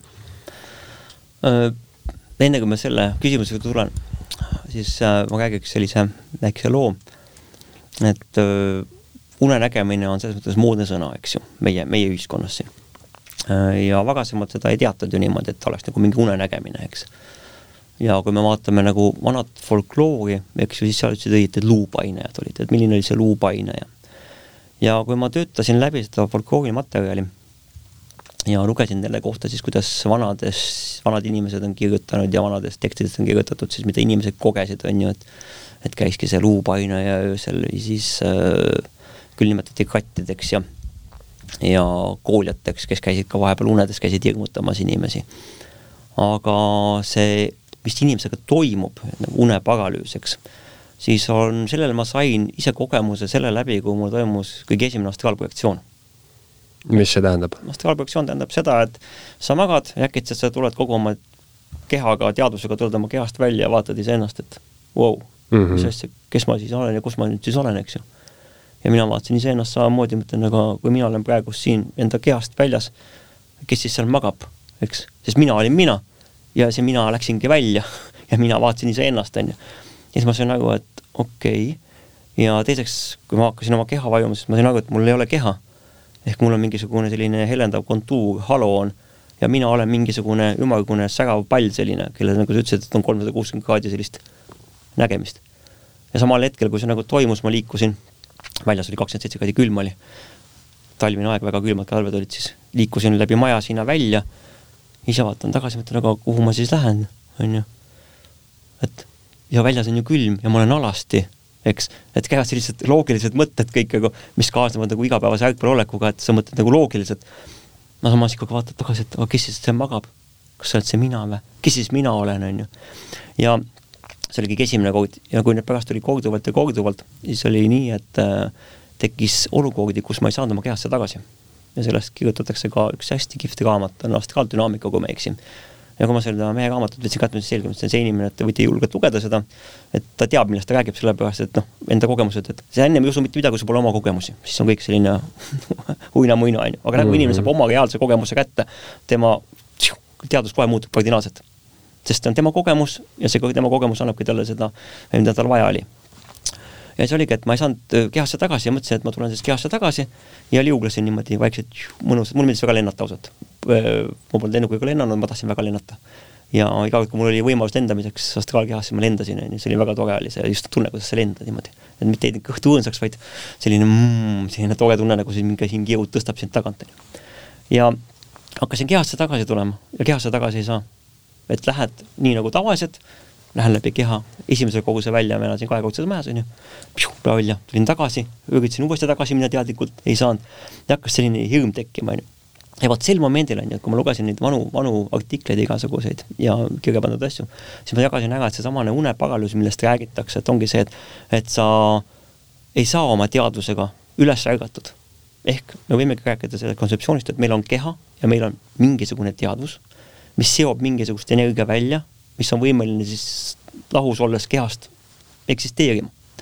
ja loomulikult ütleme, et kui ma olin seal astraalkehas, siis ma ka tahtsin teada, et mis mind ühendab, on ju, ja ma nägin seda astraalpaela ka, et on, ongi päriselt, eks ju, nii nagu raamatus kirjutatakse, on päriselt astraalpael olemas, eks. kas see tuleb nabast? Ta oli minu selle valguse kookoni küljes mm, -hmm. nabast ta ei olnud, aga ta oli selle kookoni küljes, aga keha küljes ta tuli küll, jah, ta tuli selles mõttes siit kolmnurga piirkonnast tuli mm -hmm. välja, mhm, niimoodi. Mhm. ja ma olin lugenud selle kohta siis nimelt, et tol ajal mingi Kuma oli ja siis Kumas väga põnevad artiklid olid ja siis seal rääkis elu pärast surma. et enne seda ma olin neid artikleid lugenud ka. Ja mõni kindlasti, kes praegu seda saadet kuuleb, ütleb, aa, see oligi see järelmõju ja see tuli kõik unenägudest sedasi, on ju, aga noh, see on väga selgelt eristatav, mis on ikkagi unenägu, mis on selline juhitav unenägu, mis on reaalne juba unenägemine ja mis on siis see unenägemise seisund, mis on pikaajaline, eks ju, et need on erinevad tahud, et see on inimesele eristatav, kes, kes seda asja on kogenud ja proovinud ja ma võtsin sellest rabela kätte ja, ja ta, sel hetkel tuli see teadmine, et vaata, seal kirjutas ju seda, et seda on võimalik katki teha, aga seda ei tohi katki teha, siis on inimene surnud ja ma hakkasin kohe seda katki tegema ja samal hetkel, nagu ma püüdsin seda teha, mind tõmmati kohe kehasse tagasi niimoodi üle peakaela mm., et ma lendasin nagu sellise kiirusega tagasi, mõtlesin ohoo, et äh, oleks nagu sakutada saanud. aga midagi ei juhtunud ja siis äh, selline kõrval olev nagu tajusid kellegi kõrval ja kellegi selline, et ma ei ütle, et ta hääl oli, ta oli teadvus tungis nagu minu enda teadvusesse, ütles niimoodi, et sellega ei mängita ja see veel ei ole sinu aeg ja siis vot sellised asjad mõjutavad hästi palju, et et kui sa nagu äh, selliseid asju teed ja ma olen ka teisi igasuguseid asju teinud, mis on nagu keelatud asjad unenägemise astraalis ja siis see ongi nagu sellepärast, et äh, teada saada, kus need piirid lähevad. mis on lubatud, mis on keelatud, on ju. Ja kui sa küsisid, mis, mis selleks kasu saada, siis oligi, et ma päriselus ennast ei hakka tapma aga unenägemises või unenäos ma olen ka mitu korda tapnud ennast selleks, et siis unenägemises üles ärgata mm. -hmm. ja äh, olen isegi sellist asja teinud, et äh, lihtsalt kogemuse pärast, mis tunne on kukkuda lennukist kaheksa kilomeetri kõrguselt alla. mis tunne on, mis mõtted peas käivad, on ju, siis langedki, oledki vaba langemises ja vaatad, kuidas see maa läheneb, läheneb, läheneb, ikka plärts käib väga, nüüd ma olen surnud.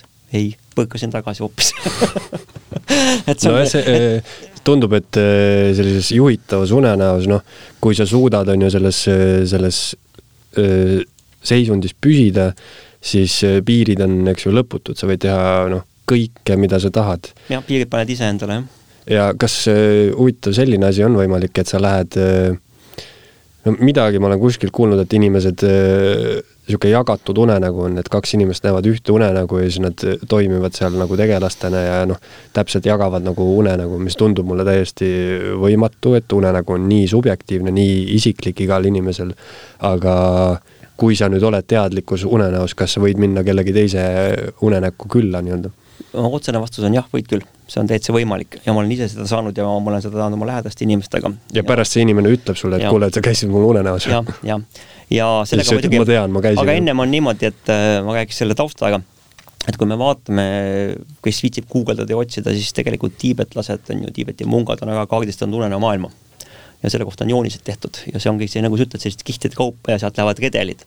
Ehk inimene konib mööda redelit, nad ütlevadki tegelikult inimene tõuseb järgmisele levelil, kui tunes näeb, konib mööda redelit, ta läheb kõrgemasse maailma, kõrgemasse maailma või läheb selle alla maailma. ja seal on unenäo selle kaardi peal on ära toodud ka igasugused kohad. et siin on haiguste koht, siin on teadmiste koht, siin on raamatukogu koht ja see on nagu terve suur pilt, et see on väga huvitav vaatamine, kui keegi viitsib seda guugeldada otsida ja samamoodi oli siis Eestis, käis kaks tuhat kuusteist aastal käis üks äh, tuva šamaan koos oma naisega, Oleg Dikson, ja ta tegi Eestis kolmepäevase seminari õpitoa, kus siis rääkis tuva šamaanidest, nendest asjadest, mida ta on kogenud nendega koos rännates tehes. ja tal oli kaasas ühe nende Püha Nõiamäe pealt siis kuivanud kadaka oksad ja äh, seal unenägemise siis sellel üritusel ta ütleski nii, et ma annan teile igaühele vähe, väikse tükikese seda samast kadakat kaasa. Ja nüüd konkreetsel kuupäeval, me lepime kokku kuupäeva, see kuupäev on see, õhtul kell kaheksa te süütate selle samasse kadaka, suitsu, ja lähete magama. Ja me kohtume teiega unenägemises. ja loomulikult kõik, kes võtsid, võtsid kaasa selle. Äh, me võtsime ka kaasa, abikaasaga koos käisime. Ja kindlal päeval, kindlal kellaajal tegime selle, mis pidi tegema. Ja läksime siis magama. Ja me kõik kogesime väga sarnast unenägu, ütleme mm -hmm. siis niimoodi, unenägemist, kes nägi unenägu, kes nägi unenägemist. ja pärast, kui äh, siis Olardiga sai räägitud ja küsitud, et kui palju inimesi sealt osales, siis ütles, et üle maailma osales kaks tuhat inimest, kellel on sarnased kogemused. See, mis räägiti, ta koges siis kõik needsamased paberid, asjad kokku. Ja kes, mis talle saadeti ka meilide peale, onju ja kui me omavahel hakkasime rääkima, siis oligi niimoodi, et, et äh, minu jaoks oli see, noh, mulle meeldib alati unenägijana, nagu ma seda päevikut ka pean, kirjutada pealkirjad välja hästi oluline pealkiri, sest pealkiri tihtipeale on kokkuvõte juba, mis toimuma nagu hakkab. ja see oli ka minu jaoks oli see teekond maailma lõppu, eks. ja sündmuste käik ei hakka aja kokkuvõttes mitte nagu rääkima, aga sel hetkel, kui see nagu toimus, ma sattusin üles, nimetame siis niimoodi, et mitte päris kosmosesse, aga olin maa kohal, hõljusin seal. ja vaatan alla ja ma näen siis, näen seda kohta, kus see paset, kus see kohtumispaik oli. ja seal kohtumispaigas siis mõtlesin, vaatasin neid nagu pealt vaates seda kõike, siis lähen korraks lähemale, läksin lähemale, sel hetkel olin lähemal ja näen sedasamat meest, kes siis see Oleg Dikson oli, vene šamaan, tuva šamaan. ja tal oli siis seljas mingi budjonni müts oli peas ja siis mingi vana niisugune esimese maailmasõja aegne äh, kaamlivillast sinel vist oli seljas, eks ju. ja siis mõtlesin, et noh, kas saame kokku juba, hakkame minema, ütles ei, meil läheb kaks päeva aega, väga täpselt kaks päeva aega, et oota veel, kõik pole kohale tulnud. nii. ja siis ma hõljusin seal veel kaks päeva, mõtlesin okei okay,, kaks päeva läks nagu väga kiiresti mööda ja siis hakkas see ekspeditsioon peale. ja hakatigi minema ühiselt siis selle maailma lõpu poole. nii maailma keskmesse, mitte lõpp selles mõttes, et nüüd toimub katastroof, on ju, vaid see oligi see, et kuskil on algus ja kuskil on ots, selles mõttes on ju maailma lõpupoole niimoodi mm, -hmm. keskmesse.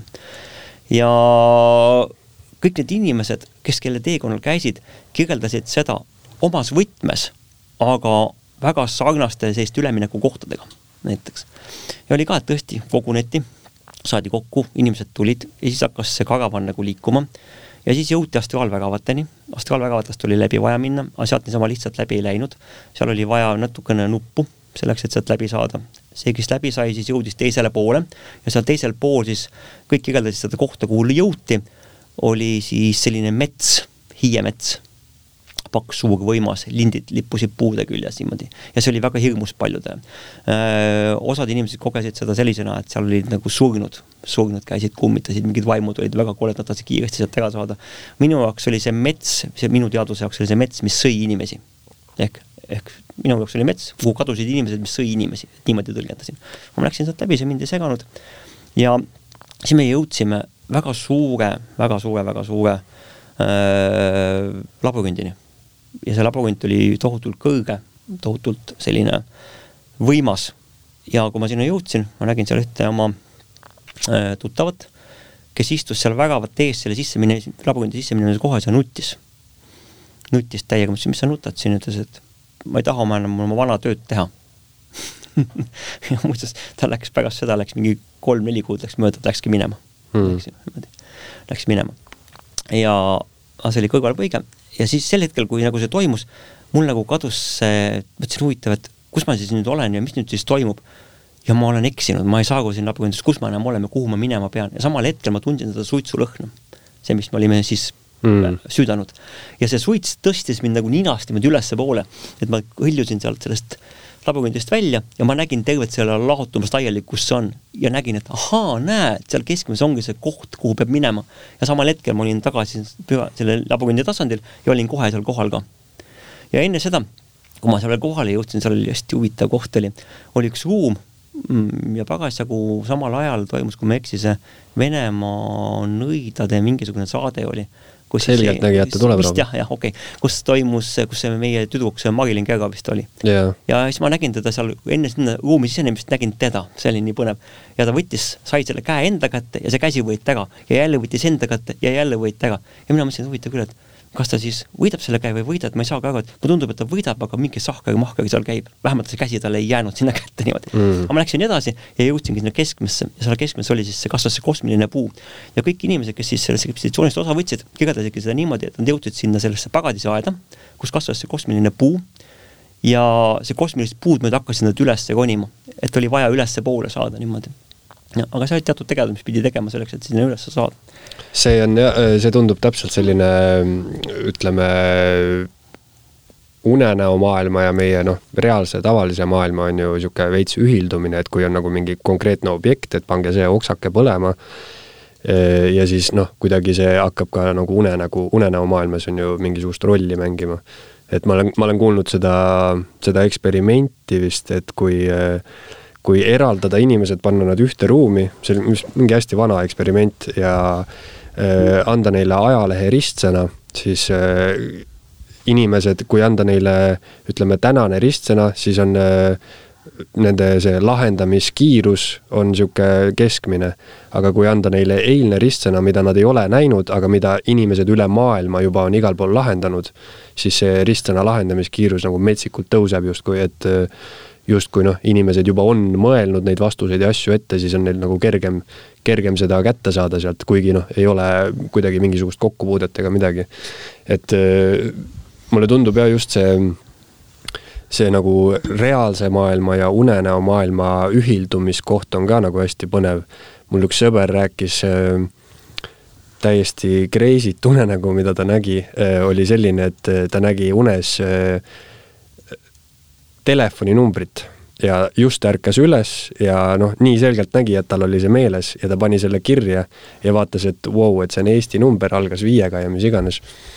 ja siis mingi hetk ta mõtles, et ta helistab sellele numbrile, helistas, võttis vastu keegi, keegi vene mees ja noh, siis kuidas sa räägid, on ju inimesele, et no ma helistan, et ma nägin teie telefoninumbrit. tuli välja, et see on äh, mehe-naise telefoninumber, nad olid venelased, kõige jaburam, mis välja tuli, see täiesti võõras inimene tema jaoks, e-, elas temast äh, paarisaja meetri kaugusel. Äh, Tartus Anne linnas oli see siis ja ja veel oli seal mingisugune lugu juures, et, et selle naise äh, vanaema mingi surma aastapäev oli või noh, midagi seal hakkas niimoodi välja kooruma. aga see, see tundus mulle hästi-hästi veider, ma mäletan, ma olen ise ka nagu näinud, äh, kunagi ma nägin mingit, ma olin nii kindel, et ma nägin mingisugust äh, saart ja siis mulle justkui nagu jäi selle saare nimi meelde ja nii kui ma ärkasin, ma olin nii kindel, et noh, see saar on võib-olla kuskil olemas päriselt. ja ma guugeldasin, aga noh, ei olnud, see oli mingi suvaline väljamõeldis ja aga, aga vaata, sa, sa ennem rääkisid sellest, et, et kas on siis see koosnägemine võimalik, et see oli selline massi koosnägemine, eks yeah.. aga kui Olav Dikson siis rääkis oma tuvašamaanide kogemustest, siis ta ütleski niimoodi, et seal on hoopis teistsugune tava, nagu tehakse seda, et kui sa tuled unenägemisest teadlikkusele, siis sa tagandad ennast selle unenägemise ruumi kõige seina äärde. sellel on, igal ruumil on alati seinad, kui me räägime ruumist, eks. ja mine nii kaugele kui võimalik, et midagi sinu taga ei oleks, et enam edasi minna ei saa. ja karju kõva häälega, müün päägleid, ostan päägleid mm, -hmm. müün päägleid ja ütles, et ja siis hakkab teie juurde, vaadake vahepeal käsi, hoidke teadus allele, ärge minu näoga kaasa, oodake natuke aega ja siis hakkab tulema teie juurde nägusid. ja noh, ma ei olnud seda varem kuulnud ja mõtlesin ka, et noh, mis mitte, teeme ära eks ju. ja mul oli abikaasa siis sel hetkel polnud mitte ühtegi unenägemist kogenud ja mina muudkui räägin sellest ja räägin sellest ja siis no vaata, inimene, kes ei ole seda kogenud, siis ta tihtipeale mõtleb unenäod, unenägemine, ta ei tee seda vahet, eks. ja on täpselt samamoodi, et, et kui sa ei ole kunagi kaneeli söönud, sa ei tea, mismoodi ta lõhnab, mismoodi ta maitseb, eks, ja ma üritan sulle seda seletada, kui tead, vaata kaneel maitseb niimoodi, noh, mõistad, ta on ta maitseb niimoodi, on sellist värvi, värvi võime seletada, et on selline pulbri kujul ka. no võimatu seletada. aga võimatu seletada, eks ju, vot samamoodi on unenägemisega, et et no kuidas sa seletad inimesele, kui ta nagu seda ei tea. aga ma ütlesin nii palju, et kui sa seda esimest korda koged, on ju, siis sa tavaliselt saad aru, et sa oled unenägemises sest see reipus, see kirkus, mis sinna sisse tekib, see teadlikkus, mis sinna tuleb taha, on ju, et see on selline, et see paneb sind nagu oo jee, jee, jee, sõna otseses mõttes, et sa sisemiselt lööd nagu äh, plahvatuslikult nagu särama, et jess, ma olen unes, et vot ongi see seisund, eks. ja kuna ta polnud kogenud ja siis äh, Olav rääkis, et on võimalik äh, unenägemise maailmas siis niimoodi pägleid müües, ostes leida õige kaupmees ja on võimalik temaga diili teha, siis selle diili läbi on võimalik meie füüsilist maailma mõjutada ja see diil saab tõeks, eks mis iganes keegi tahab siis teha mm. -hmm. ja mina seisangi seal, siis me nägime siis selle seina ääres seal ja müün päägleid, ostan päägleid. äkki tuleb mingisugune hall vanamees, niisugune, vaatab mulle otsa, läheb minema. müün päägleid, ostan päägleid, vaatan käsi vahepeal.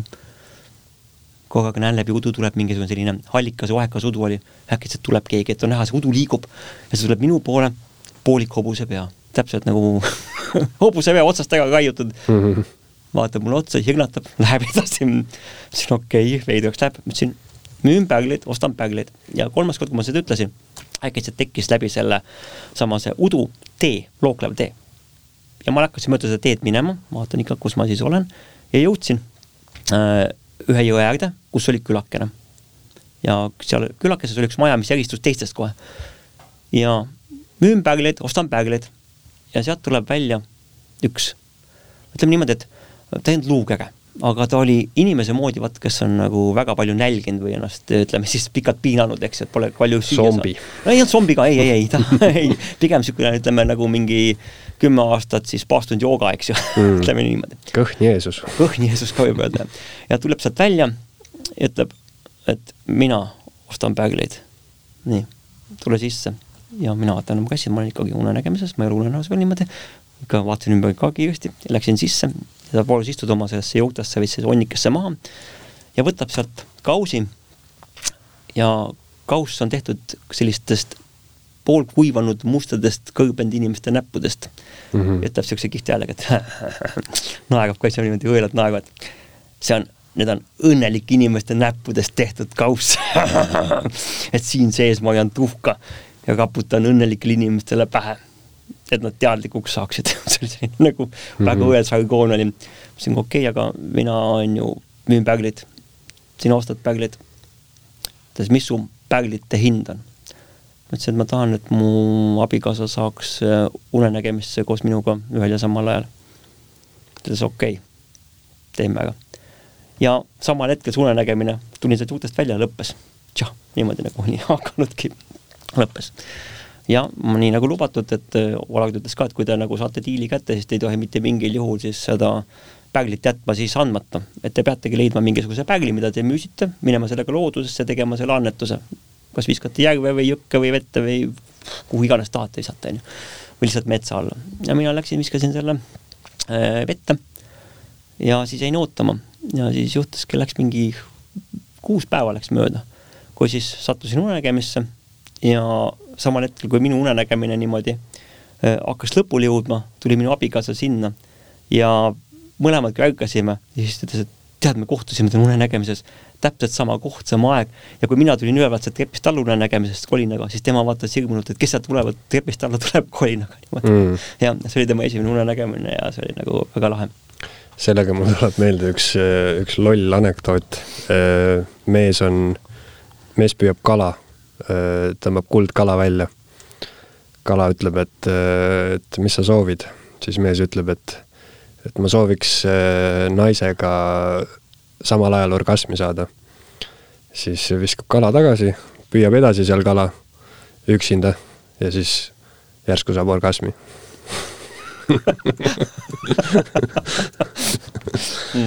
aga mis, ütleme siis kuulajad, keda nüüd eh, huvitab selline teadlik unenägemine, et eh, kirjelda konkreetselt, mis, mis on sinu see rutiin või, või kuidas seda teha, et siin igasugusest käe vaatamisest ja asjast me oleme rääkinud, aga ütleme, kui ma nüüd võtan kätte ja üritan öö, näha une, unenägu nagu näha teadlikult, et mis ma selle jaoks tegema pean ja kui kaua see võib aega võtta, kas see juhtub iga päev, kuidas see, see nagu niisugune praktilisem pool sellest välja näeb?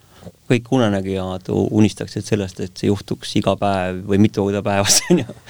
ja kui võtta nüüd äh, unenägemine kui siis une, une ajal, siis on võimalik ka tegelikult unenägemine välkvaroleku silmadega mm. -hmm. et sa ei pea tegelikult sellest magama, et unenägemist näha.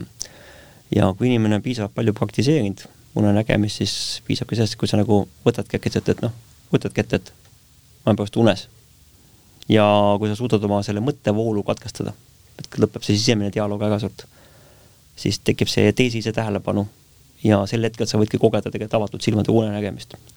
ja näeb ta välja niimoodi, et, et me räägime sinuga siin juttu, mul on seda nagu väga mitmeid kordi olnud, räägin inimestega juttu, äkitselt inimesed küsivad, kuule, et oo, hallo, kus sa oled? aga ma olin pagasjagu hoopis teises ajas ja kohas, onju, ja nägin mingit hoopis sõõri asja. et hästi kummaline, ükskord sõitsin liftis kaastöötajaga räägime juttu, aga lift sõitis siis esimesel koguselt kuni kaheteistkümnenda koguseni niimoodi ja selle vahemikus siis toimus mul see nagu jump mm -hmm. ärakäimine. ja ütleme ajalises mõttes noh, et kui panna see nagu päris reaalsesse tegevusse, siis võiks saada mingisugune tunni jagu materjali, onju. aga tegelikult oli see mingi selline kümme sekundit, eks. ja siis ma küsin, aga mida siis, mida sina nägid, ütlesid, et äkki, et sa vaatasid nagu ühte punkti ja ega keegi ei teinud mitte midagi ja lehvitan sul silmad ees ja väga hea kolleeg, onju. ja mitte midagi, et äh, kuulad üldse mind või, halloo, onju. aga minu jaoks oligi see, et mina nägin sel hetkel seda nägemust, onju mm. -hmm. nägin unenägemist avatud silmadega reaalses olekus. aga kes tahab nüüd sellega alustada, siis esimene asi on see, et ta peaks tegelikult vaatama üle oma elu inventaari. et sa küsisid, mis asi see inventar on, eks ju. et ähm, ma sain sellest teadlikuks läbi unenägemist ja sain sellest teadlikuks. enne ma ka ei teadnud, et on olemas elu inventar aga kõik inimesed kindlasti teavad lugusid, kui neil pole enda mingit kogemust iseenda pagasist võttes, on see hetk, kui inimene kohtub surmaga. sõna otseses mõttes selles elus on selline hetk, et sa hakkad surema, on mingi katastroof, hakkad uppuma äh, või mingi muu asi, et sa oled elu ja surma piiril. ja vot sel momendil, kui on see päris reaalne olukord käes, jookseb inimese elu piltidena või filmina silmest mööda ja nii paljud inimesed, kui ma olen nendega rääkinud, kes on selles seisundis olnud, ütlevadki, see oligi täpselt nii, see oli minu elu kokkuvõte, mõistad? aga seal kokkuvõttes ei kuvata seda, et oo, nüüd ma võtsin selle pastaka käest, nüüd ma jõin seda kohvi, on ju, nüüd käisin mingit head kino vaatamas, seal ei sellist asja. Need on kokkuvõte kõige olulisemast asjadest, mis sinu elus on olnud. ja mul oli ükskord oli unenägemine, kus ma taotlesin just nimelt, et kui ma sain teadlikuks, on olemas sinu inimese see kokkuvõte, et mis asi see kokkuvõte on, mis asi see on ja ma sattusin unenägemist, sattusin Äh, sellesse hetke, kus oli üks äh, päris, ütleme minu jaoks, minu teadmiste järgi, oli tegemist ühe väikse tüdrukuga, kes oli uppumissurma järgselt koomas ja ta oli vahemaailmas, ta ei olnud ei surnud veel, eks ju, keha oli Ameerikas kuskil aparaati tal, Emily oli ta nimi, ja ta ise oli siis teadvusena üleval ja nüüd oli see otsustuskoht, kas ta läheb tagasi või ei lähe tagasi, eks. ja seal laua ümber olid inglid. see oli ka, et ma noh, kunagi ei uskunud inglitesse ega midagi, et aga see kogemus mul on olemas, täitsa olemas, eks ju, reaalselt meie sees, meie ümber, igal pool. ja nad olid seal laua ümber ja ütlesid, et üks, üks inimene ütles, et vaata, vaata nüüd siia. ja laotati laua peale, mis oli selline suur nelinurkne, laotati laiali tema elu inventar. Ja sealt, see oli nagu ütleme ehk siis need olulised olulised momendid, see oligi nagu, see oli niivõrd selline võimas vaatepilt sõna otseses mõttes, et kui see eluinventar sinna laiali jaotati sinna laia peale, laua peale, siis ma vaatasin seda, et ohoo, kas minus on ka see olemas, on ju niimoodi. ja siis võeti neid tükke sealt, sõna otseses mõttes need elavad nagu mälestuste tükid, mis seal laua peal või niimoodi pulbitsesid. võeti, inglid vaatasid neid ja pandi tagasi, võeti, pandi tagasi.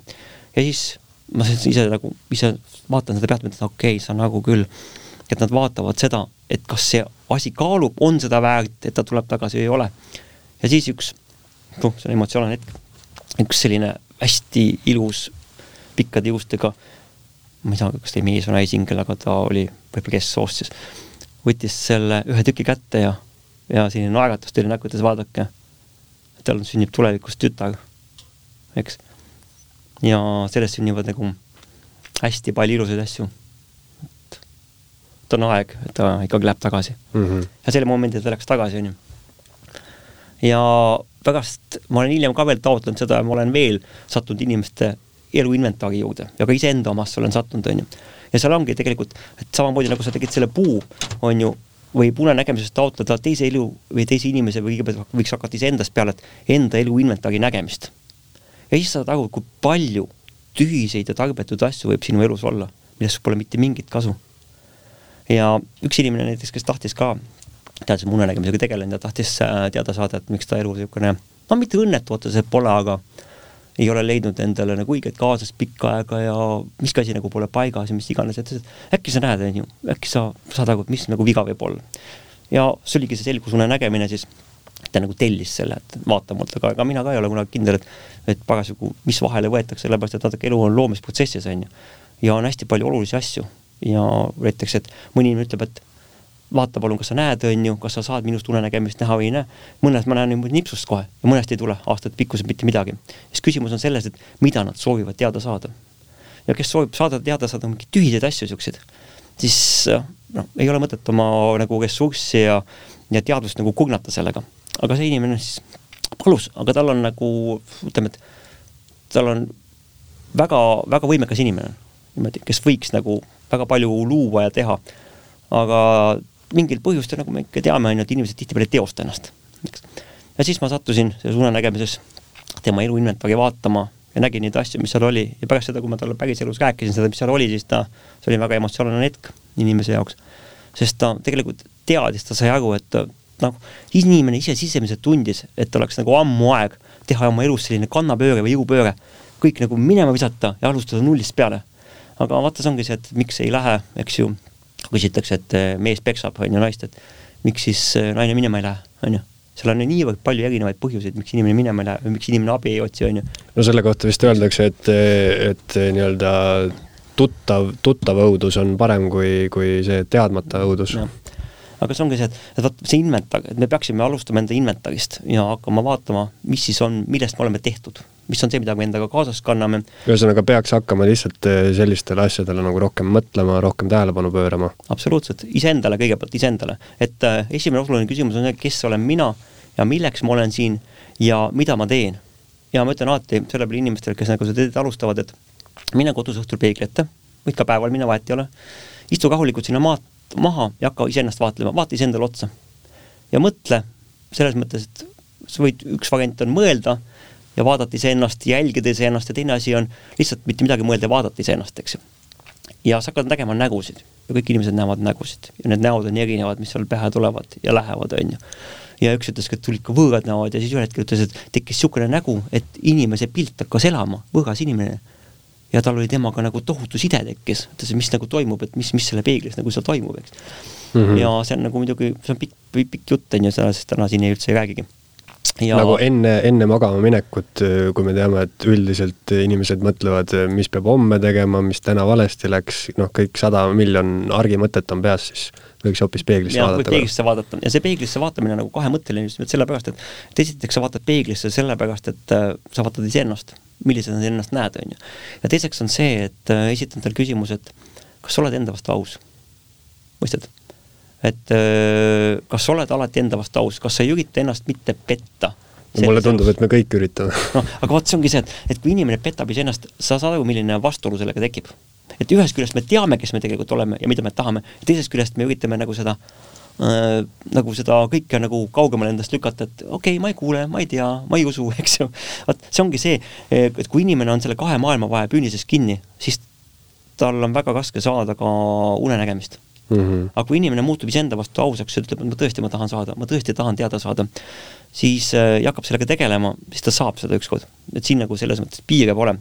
aga väljakutse nendele inimestele, kes saadet kuulavad ja on nagu unenägemist juba saanud, et mida nagu võiks teha veel, et mida võiks nagu taotleda, et äh, mina ütlen selle peale, et, et okei okay,, et see on, mida sa sööd, et sa oled see, mida sa sööd, eks ju, et sa oled see, mida sa unes näed, aga nüüd inimene, kes saab unenägemisse mina ütlen selle peale, et nüüd selle läbi kogenud praktikat, et see, mida sa unenägemises esimest korda taotled, ütled välja oma esimese taotluse selles teadvustatud olekus, see näitab, millest sa oled tehtud. ehk mis on sinu esimene taotlus. Ja see ongi nii, et ma ei küsi tavaliselt inimeste käest, ma küsin küll, aga nad võivad jätta selle alati vastamata. ütlengi, see on selline retooriline küsimus, kui tahad, vastad, kui tahad, ei vasta, eks ju. aga see on sellepärast oluline, et, et see näitab väga, et mis on see sinu selle varjatud mina tegelik taotlus selles suures maailma kõiksuses, et mida sa tegelikult tahad teada saada, on ju. ja minu esimene taotlus oli see, et ma ütlesin, et ma tahan näha, ma tahan mõista ja näha universumi altvaates, pealtvaates ja kõrvaltvaates. et näha, kuidas see süsteem toimib mm. -hmm. et see oli nagu selline. aga eks inimesed on erinevate taotlustega, erinevate soovidega, aga loomulikult äh, peaks ikkagi inimene äh, Äh, esitama endale mingi konkreetse ülesande, mida ta soovib mm. -hmm. sest ilma selleta nagu ei teki miskit ja see ei ole selline asi, et vaata, et ma küsin su käest, et äh, Kalle, kas sa äh, maasikajäätist tahad praegust ähm,? okei okay., onju, aga kas see okei okay on okei okay? või ta on okei okay,, mõistad? et see ongi see, et, et kas sa tegelikult tahad seda või sa ei taha seda, onju. Mhm, et mhm. see küsimus ja see soov, mida sa tahad teha, peab olema niivõrd kindel ja veendunud, et see tegelikult on see sinu soov aga vaata, inimesed soovivad tihtipeale, et nad ei tea, mida nad soovivad. no ütleme äh, näiteks äh, seal äkki tekib selline, selline variant, et mu enda, minu enda kogemused, teadmised hakkavad mind nagu ennast petma.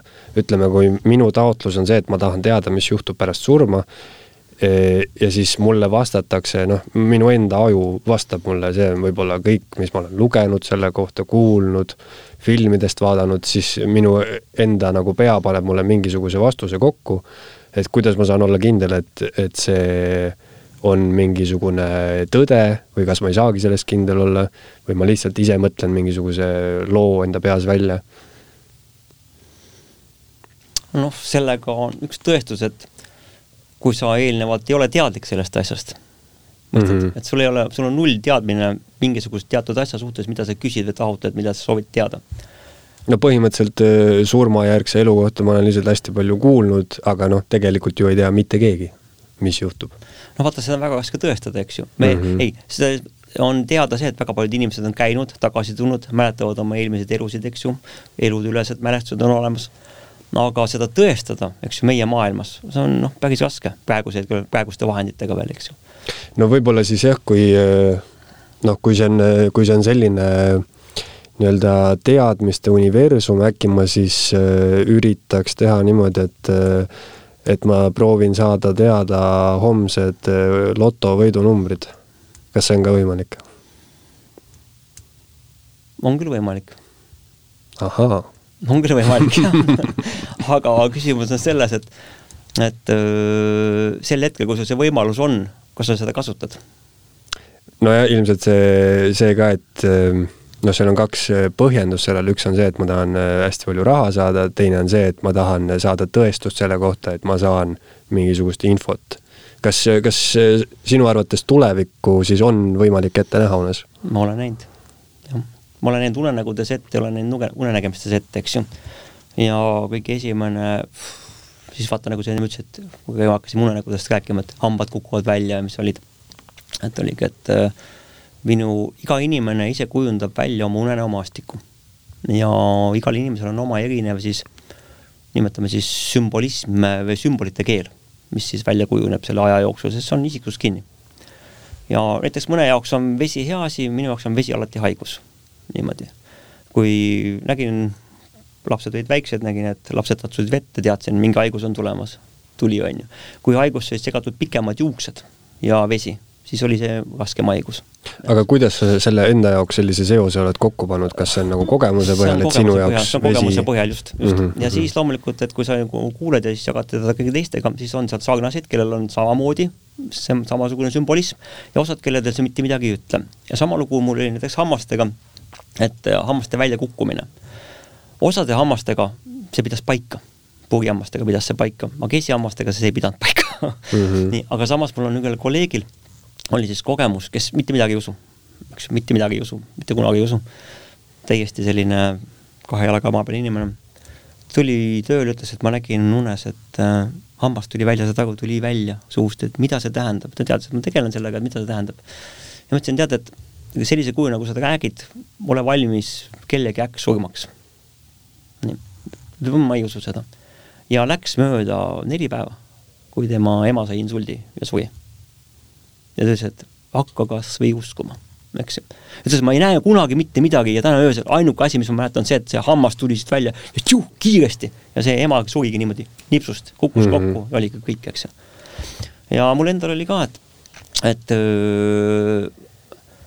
et nägin ette oma vanaonu, sest see oli minu, ütleme, lapseteaduse jaoks esimene surm, mis oli sellepärast oluline, kuigi ta ei olnud mulle lähedane inimene, aga ma nägin ette siis Äh, seda ja selleks äh, elemendiks, mis seda siis ette ennustas, oli, et ma olin maal vanaisa vanaema maja juures, kus ka oli vanaanu lapsepõlvekodu. ja teine kogus oli tema poolt välja ehitatud, oma tuba seal tehtud. Äkitselt tuli katuse peale niisugune vastik, hirmus suur kott, no hiiglaslik kott sõna otseses mõttes, vaatas minu poole niimoodi, kõgistas hambaid, see oli väga hirmus lapse jaoks, ja äkitselt puges sealt katusest niimoodi sisse, näris läbi otse sinna tuppa. Ja samal hetkel mul tekkis see teadmine, et midagi väga jubedat on tulemas, midagi juhtub.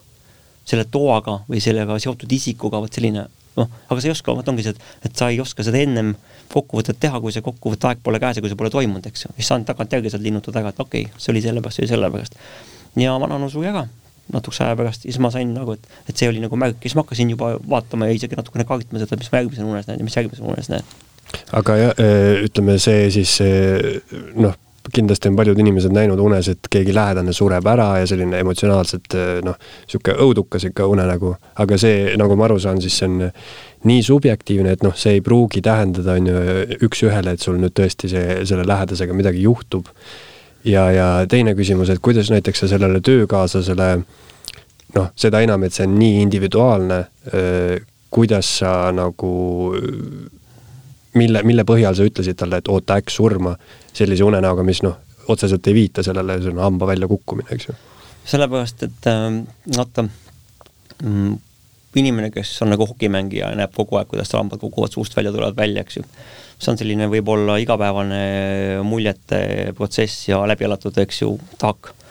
aga inimene, kes reeglina unenägusid ei näe ja mitte midagi ei näe ja tema ainukene särav hetk on, tuleb hommikul tuleb, ütleb, et tead, ma nägin, et ma olen sellest vapustatud, mis ma nägin, on ju, et see hammas tuli välja, on ju et see oligi nagu see mõõde, mis tuli sinna juurde, et saad aru mm.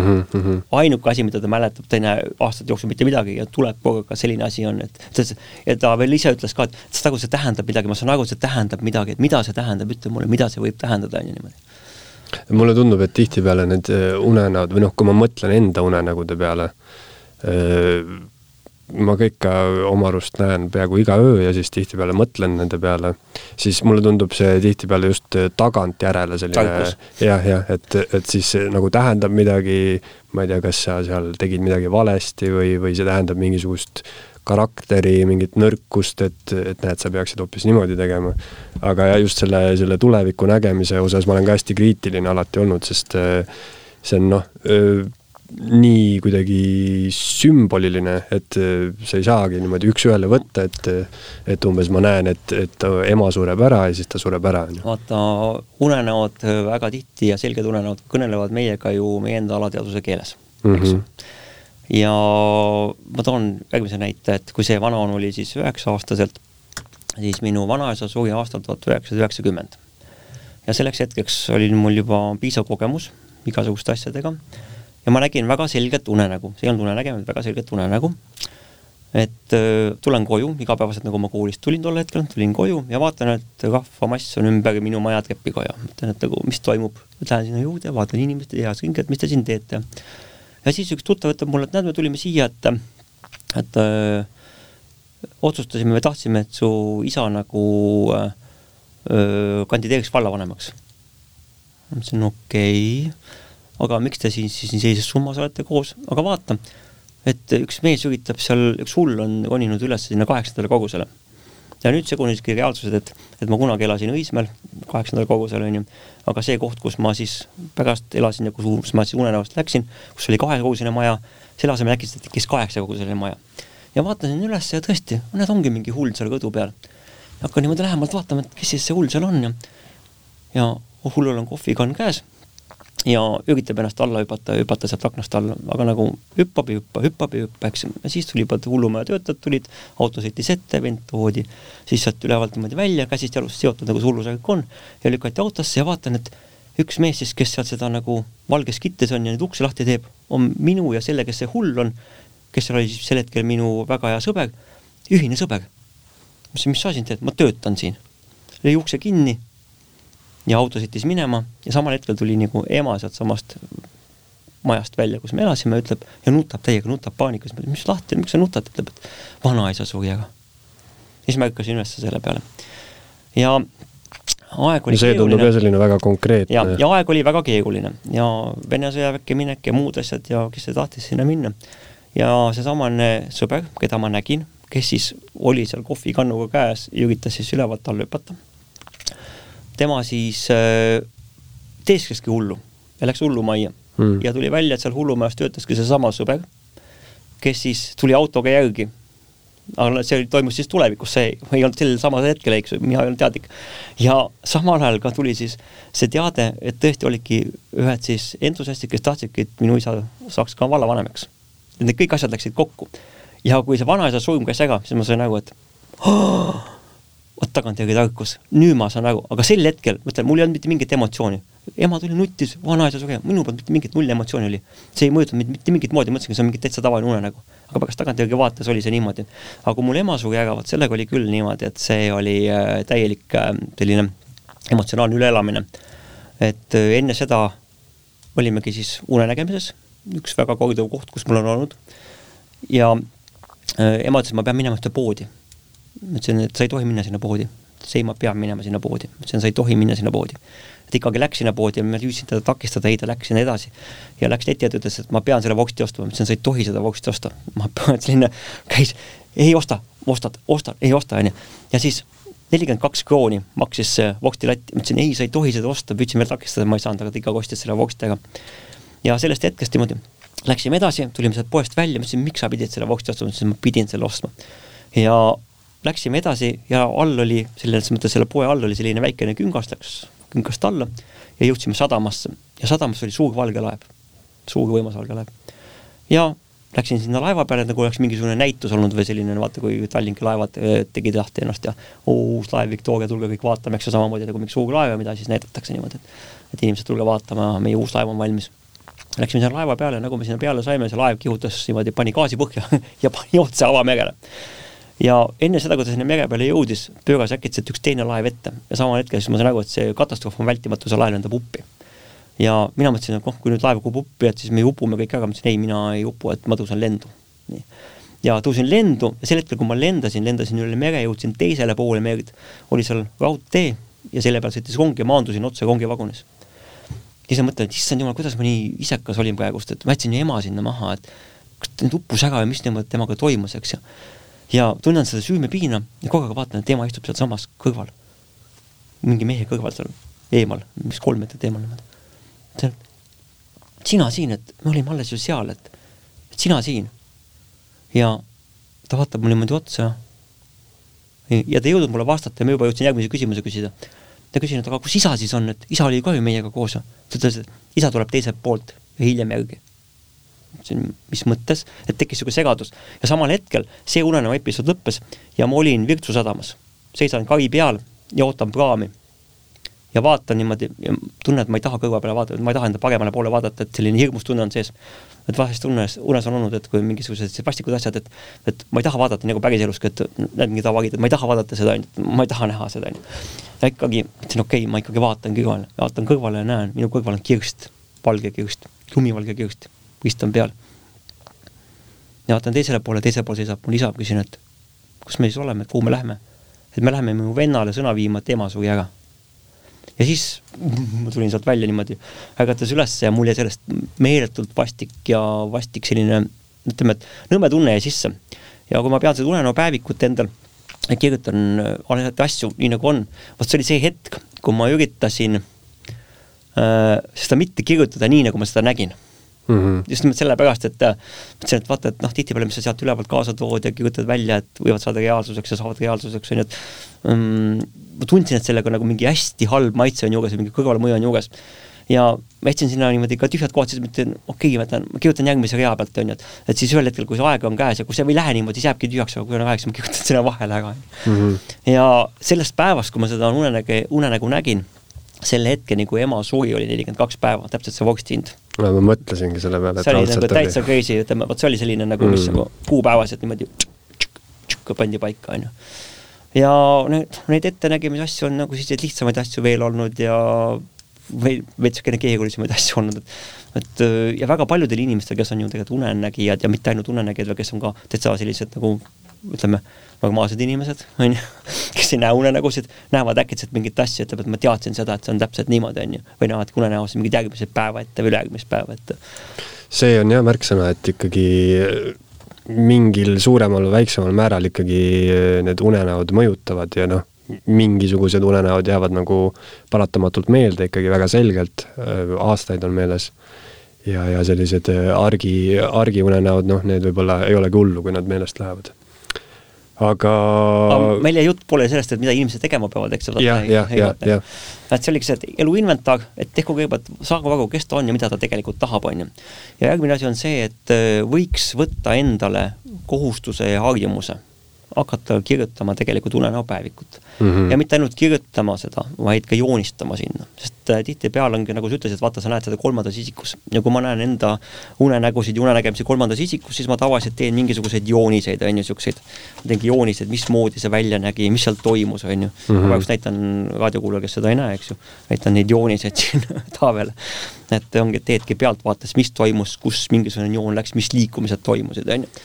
et see ongi see ja siis kindlasti tasuks alati Äh, alla joonida, võttage endale kohe punane vildikas ja alla joonida siis need kirjaread, kus kohas, mis on nagu absurdsed mm. -hmm. või mis on hirmutavad.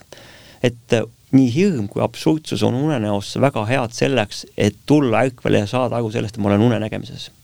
et ma olen oma unenäos ja sealt minna edasi unenägemisse mõistad, on ju? et nojah, et kui sa lendama hakkad, siis kui, kui peldikupott on sul köögis pliidi asemel, mida mm -hmm. tegelikult ei ole, siis okei okay see ei ole reaalsus, ma olen unes, on ju, ja nii edasi, nii edasi, nii edasi, on ju. ja need juba alla joonida sellepärast, et niimoodi me õpetame enda siis seda teadvust märkama selliseid kummalisi asju, mis reaalsusega kokku ei lähe unenägudes ja selle läbi tulema siis ärkvele ja seda ei pea tegelikult üldse palju tegema, et kui te juba hakkate seda tegema, siis te õpite seda juba ise ka märkama, te ise panete tähele, nagu sa ütlesid ka, et vaata seda mahtu, kuidas sinu see unenäo detailsus ja sügavus, kuidas see paranes. et siis ma ütlen, et teil peab olema piisavalt jõudu ja tahet, et sellega edasi minna, sest see saab tõesti olema, et on üks päevik, teine, kolmas ja lõpuks on teil nüüd juba kümne päeviku ja mitte ükski, kui ma kunagi hakkasin neid unenägusid üles kirjutama, siis mul üks mõte oli, et kas unenäod korduvad. ja ma olen näinud ühte unenägu kolm korda järjest kolm korda, mõtlesin, miks pagana pärast ma näen seda, onju. aga see oli mingi jumalast tühine kooli unenägu oli. aga nüüd hiljem tagantjärgi mõeldes kui on sellesamase tarkuse koguse otsas või siis teadlikkuse kogumi otsas, milles ma istun, on ju, siis kui praegusel hetkel minu unenäkku või unenägemist isegi tuleb kool, siis kool on alati selline koht, kus kohas omandatakse teadmisi ja need teadmised võivad olla mittemaised, vaid võivad olla hoopis kõrgemad, astraalsed on ju, kõrgemad sihid, kõrgemad eesmärgid on ju. Ja samamoodi näiteks, et kui ma olen unenäos näen Raekoja platsi, ma olen mitu korda näinud ja või näen ristteed, eks ju, Raekoja plats on selline avalik koht, siis on selline asi, kus siis ähm, äh, mingi asi on avalik, kindlasti, mingisugune toimub, aga Raekoja platsil ju kunagi hukati inimesi, häbistati inimesi, eks ju. et see oli selline nagu avalik meediaruum tolle aja ühiskonnas, eks. ja aga praegust on tõesti Raekoja plats, kus on ilus jõulukuusk tihtipeale on ju ja toimuvad mingid üritused, on ju. aga kui ma näen seda unenäos, siis ma vaatan alati seda detailikogust, millega, mis sellega kaasneb. ja kui inimesed seisavad ristteedel on ristmik ja ristteedel, siis see on tihtipeale, et kui siis inimesega räägid, et ma nägin ristmikut unes, siis ma ütlen talle selle peale, et aga räägi mulle sellest unenäo nagu kontekstist, mis seal toimus. ja siis pärast hiljem selgub, et ta ongi sellisel hetkel oma elus valikut ees otse vasakule, paremale, tagasi, eks ju. need on need, et kui inimene näeb neid ristmikuid ja kui on eriti veel punane tuli ja roheline tuli, siis ongi see, et, et ma küsin, mis sul praegu nagu teoksil on, et, et siis sa pead aru saama sellest, et, et tegelikult universum kõneleb meiega läbi meie unenägude. Ja... no see ongi äh, hästi, selles mõttes tundub kuidagi see päeviku, unenäopäeviku pidamine selline iseenese alateadvuse nagu kaardistamine ka veits, et, et sa noh, ütleme, kui sa tõesti pikalt seda teed, on ju, ja siis võib-olla loed seda hiljem üle, siis võib-olla sa tõesti näed mingisuguseid mustreid ja võib-olla noh, siis mõtled enda jaoks unenägude tähendused välja, et äh, nagu sina mainisid, et sinul on vesi, tähendab haigust, eks ju, ja noh, sellepärast äh, sellised ühtsed raamatud, unenägude seletajad ja sellised asjad, need on minu arust täielik jama, sest noh, põlev maja ei saa tähendada kõikide inimeste jaoks ühte ja sama asja. võib-olla inimene on tõesti kunagi tulekahjus osalenud, on ju, tema jaoks tähendab see hoopis midagi teist. aga, aga mis sa veel teed peale unenäo äh, päeviku pidamise äh,? väga oluline on iga päev äh, tuletada endale mitu korda meelde, et sa oled unes.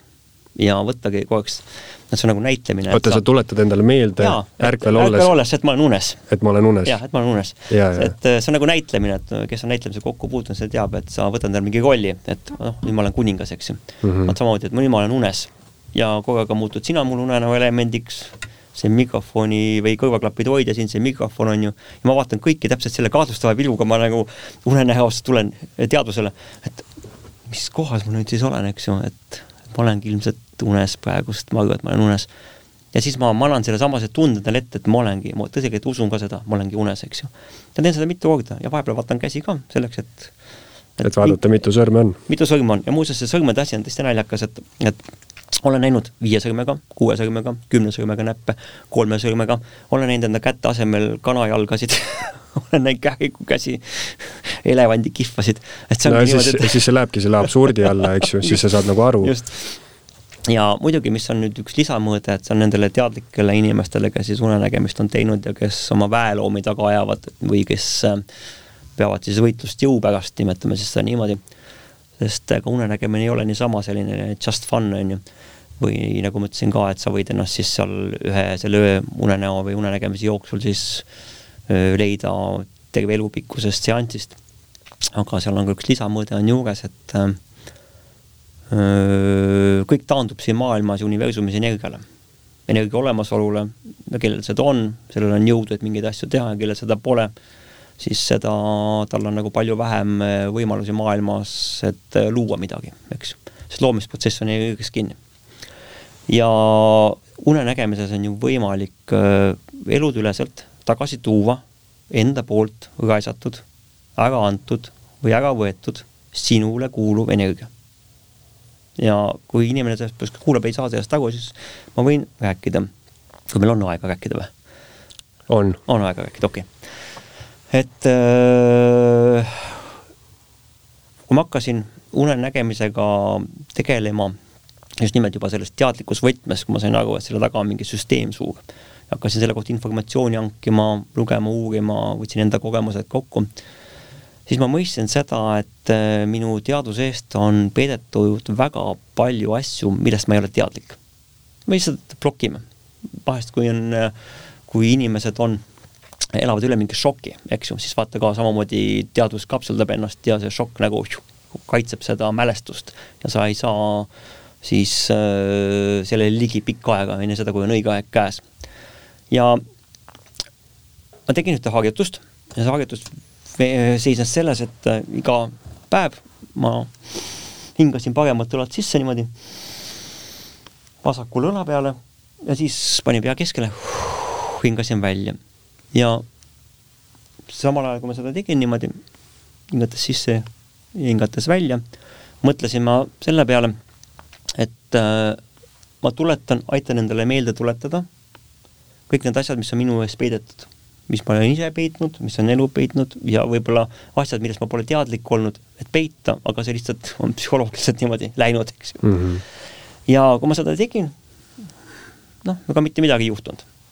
aga ühel ööl nägin unenägu, ilus unenägu oli, kui äkitselt hääl sekkub, minu teisis hääl sekkub. mida sa passid siin? hagedust on vaja teha. Mis, mis hagedust on vaja teha?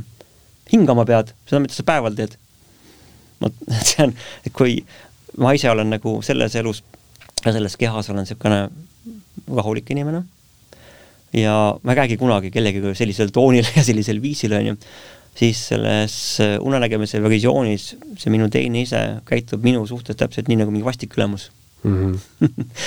mis passid nüüd, on ju. ja tekkis juba niisugune, okei okay,, mis ma siis passin nüüd, siis hinga.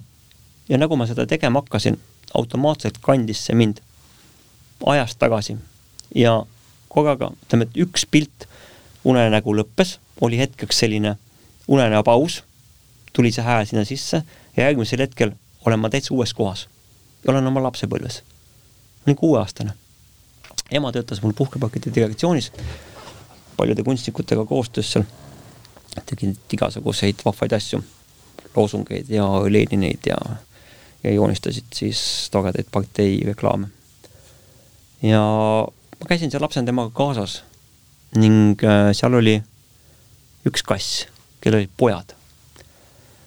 ja ma mängisin nende poegadega, kui äkitselt tuli siis selle kassi omanik, üks kunstnik, vanem mees ja tema jaoks oli see aeg, kui oli vaja kassipoegadest lahti saada. Ta võttis ämbri ja võttis minu käest selle kassipoja ära ja viskas sinna ämbrisse ja valas vee peale mm. -hmm. ja seal oli neid kolm kassipoega. ja siis uputas nad minu silme all ära.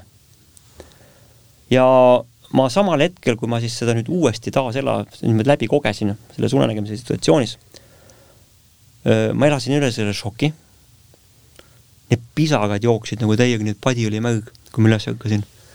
ja see vabanemine, mis tuli sellega, et oligi, et ma sain aru, et, et meie elus on asju, mis on niimoodi blokeeritud ja mis on kuskil seal nagu paisuna ees.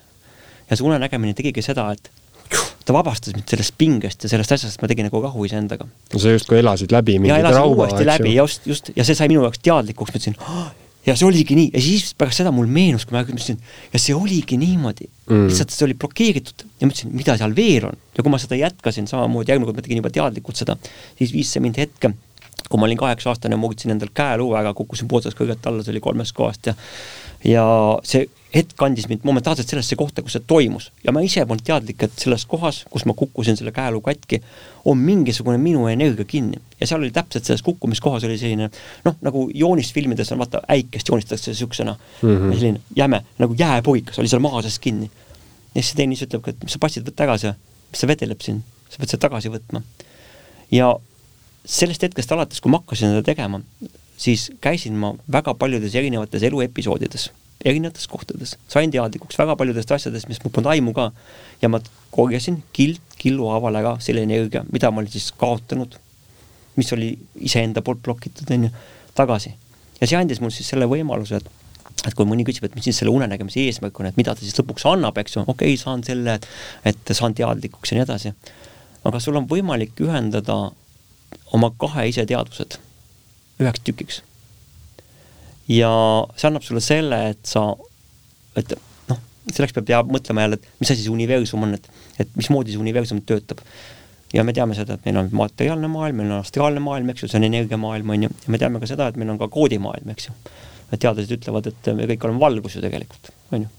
ma olen matemaatiline kood, et elu mm -hmm. on mhm. matemaatiline kood, on ju. ja füüsikud sügavad, eks ju, kvantfüüsikud ütlevad seda, et mida rohkem nad füüsikasse siis sukelduvad, seda rohkem nad usuvad seda, et Jumal on olemas, eks et samamoodi. no kvantfüüsikas jah, hakkavad juba mingid imelikud asjad juhtuma. absoluutselt, on ju, et see, seesamane ruum, mis on niivõrd et ju, et lähed mikro, mida sa sukeldud, eks ju, sellesse mikromaailma ja tuleb välja, et see on terve universum sees, eks. et see ongi selline inimmõistuse jaoks mõeldamatu. aga see ongi see võimalus, et meil on võimalik ligi pääseda läbi unenägemise enda elu ülede teadmisele, elude ülesele teadmisele. ja siis ühel hetkel, kui mul oli see etapp juba läbi käidud, siis ma ütlesin välja taotluse, et ma soovin näha enda teadvuse kõige esimest unenägemist mm. -hmm. see moment, kui ma hingeteadvusena olin võimeline juba talletama, olin kasvanud nii väga suureks ja aru saama, et ma olen mingist taustsüsteemist, et milline on minu kõige esimene unenägemine siit maailmast, mida ma üldse mäletan, nii nagu ma igapäevaselt teen seda, et mida ma mäletasin eile üleeile, on ju, mida sa lapsepõlves mäletasid, on ju, vot iseendaga käid sama protsessi läbi, vot siis, et mida ma mäletan kõige esimesena, eks isegi mitte, et mida ma eelmisest elust mäletan või üle-eelmisest elust mäletan, on ju, see on kõik selline vahepeal, on ju, aga see, et see esimene, see avapauk, eks, mis, mis see oli. ja kui ma sellele nagu ligi sain siis see oli selline, mis äh, ma pärast seda mõtlesin nagu ütleme niimoodi kuu aega, ma muidu pean näiteks seda oma blogi ja seda Unenäo foorumit üleval ja unenägendur.ee ja mõtlesin tükk aega, et kas ma üldse midagi kirjutan pärast seda enam et see oli nagu, et on asjad, mis nagu sind vapustavad nagu hingepõhjani ja eriti ütleme, sa küsid, et kas see on tõde või mitte, et vaata, et et mis on see tõde sinu jaoks, et kes see, ma, ma ei suuda mitte kellelegi mitte midagi tõestada aga ma tean ise, mida ma nägin ja mida ma kogesin, on ju. nojah, subjektiivne tõde siis. see on subjektiivne tõde, just nimelt mm, -hmm. see on Mhm. hetkedõde, ma ütlen seda, see on hetkedõde, on ju. aga kui sa nagu kohtud väga paljude inimestega, kes jagavad sarnast kogemust ja me oleme mitte üksteist puudutanud, mõjutanud, eks ju, saame kokku, siis sa saad aru, et see pilt ei ole see, et ma üksinda olen loll või hull, on ju. et neid on veel palju, eks ju nojah, see on samasugune efekt nagu äh, ütleme, kirjanduses äh, öeldakse fiktsioon ehk siis välja mõeldud on ju ilukirjandus. aga mingil hetkel see ilukirjandus tundub tõesem kui, kui äh, päris elu, sest see võtab, on ju, väga paljude inimeste kogemuse kokku ja, ja nagu kõnetab paljusid siis, et noh, tekibki küsimus, et mis on siis nagu tõelisem ja noh, kas siis see nagu reaalne, reaalne, ma ei tea, mis juhtus tädi Maaliga seal või, või mingisugune Shakespeare'i lugu. aga mm, võtame kokku, mulle ja. tundub, et unenägemisega ja üldse unemaailmaga võiks tegeleda, sellele võiks mõelda, sest tundub, et sellel on ikkagi põhjus. kui sellel ei oleks mitte mingisugust põhjust, kui magamine oleks mõeldud ainult meie füüsilise keha väljapuhkamiseks, siis äh, ilmselt me ei näeks unesid, siis oleks lihtsalt noh, täiesti kottpimedus, aju lülituks välja, aga mingil põhjusel ikkagi inimene nii-öelda elab unedes. et äh, tundub, et äh, midagi seal peidus on. noh, mõni ütleb, et äh, unenäos elab rohkem, kui ta elab tavaelus, eks ju. unenäos on rohkem värve ja maitseid, kui on tavaelus, eks.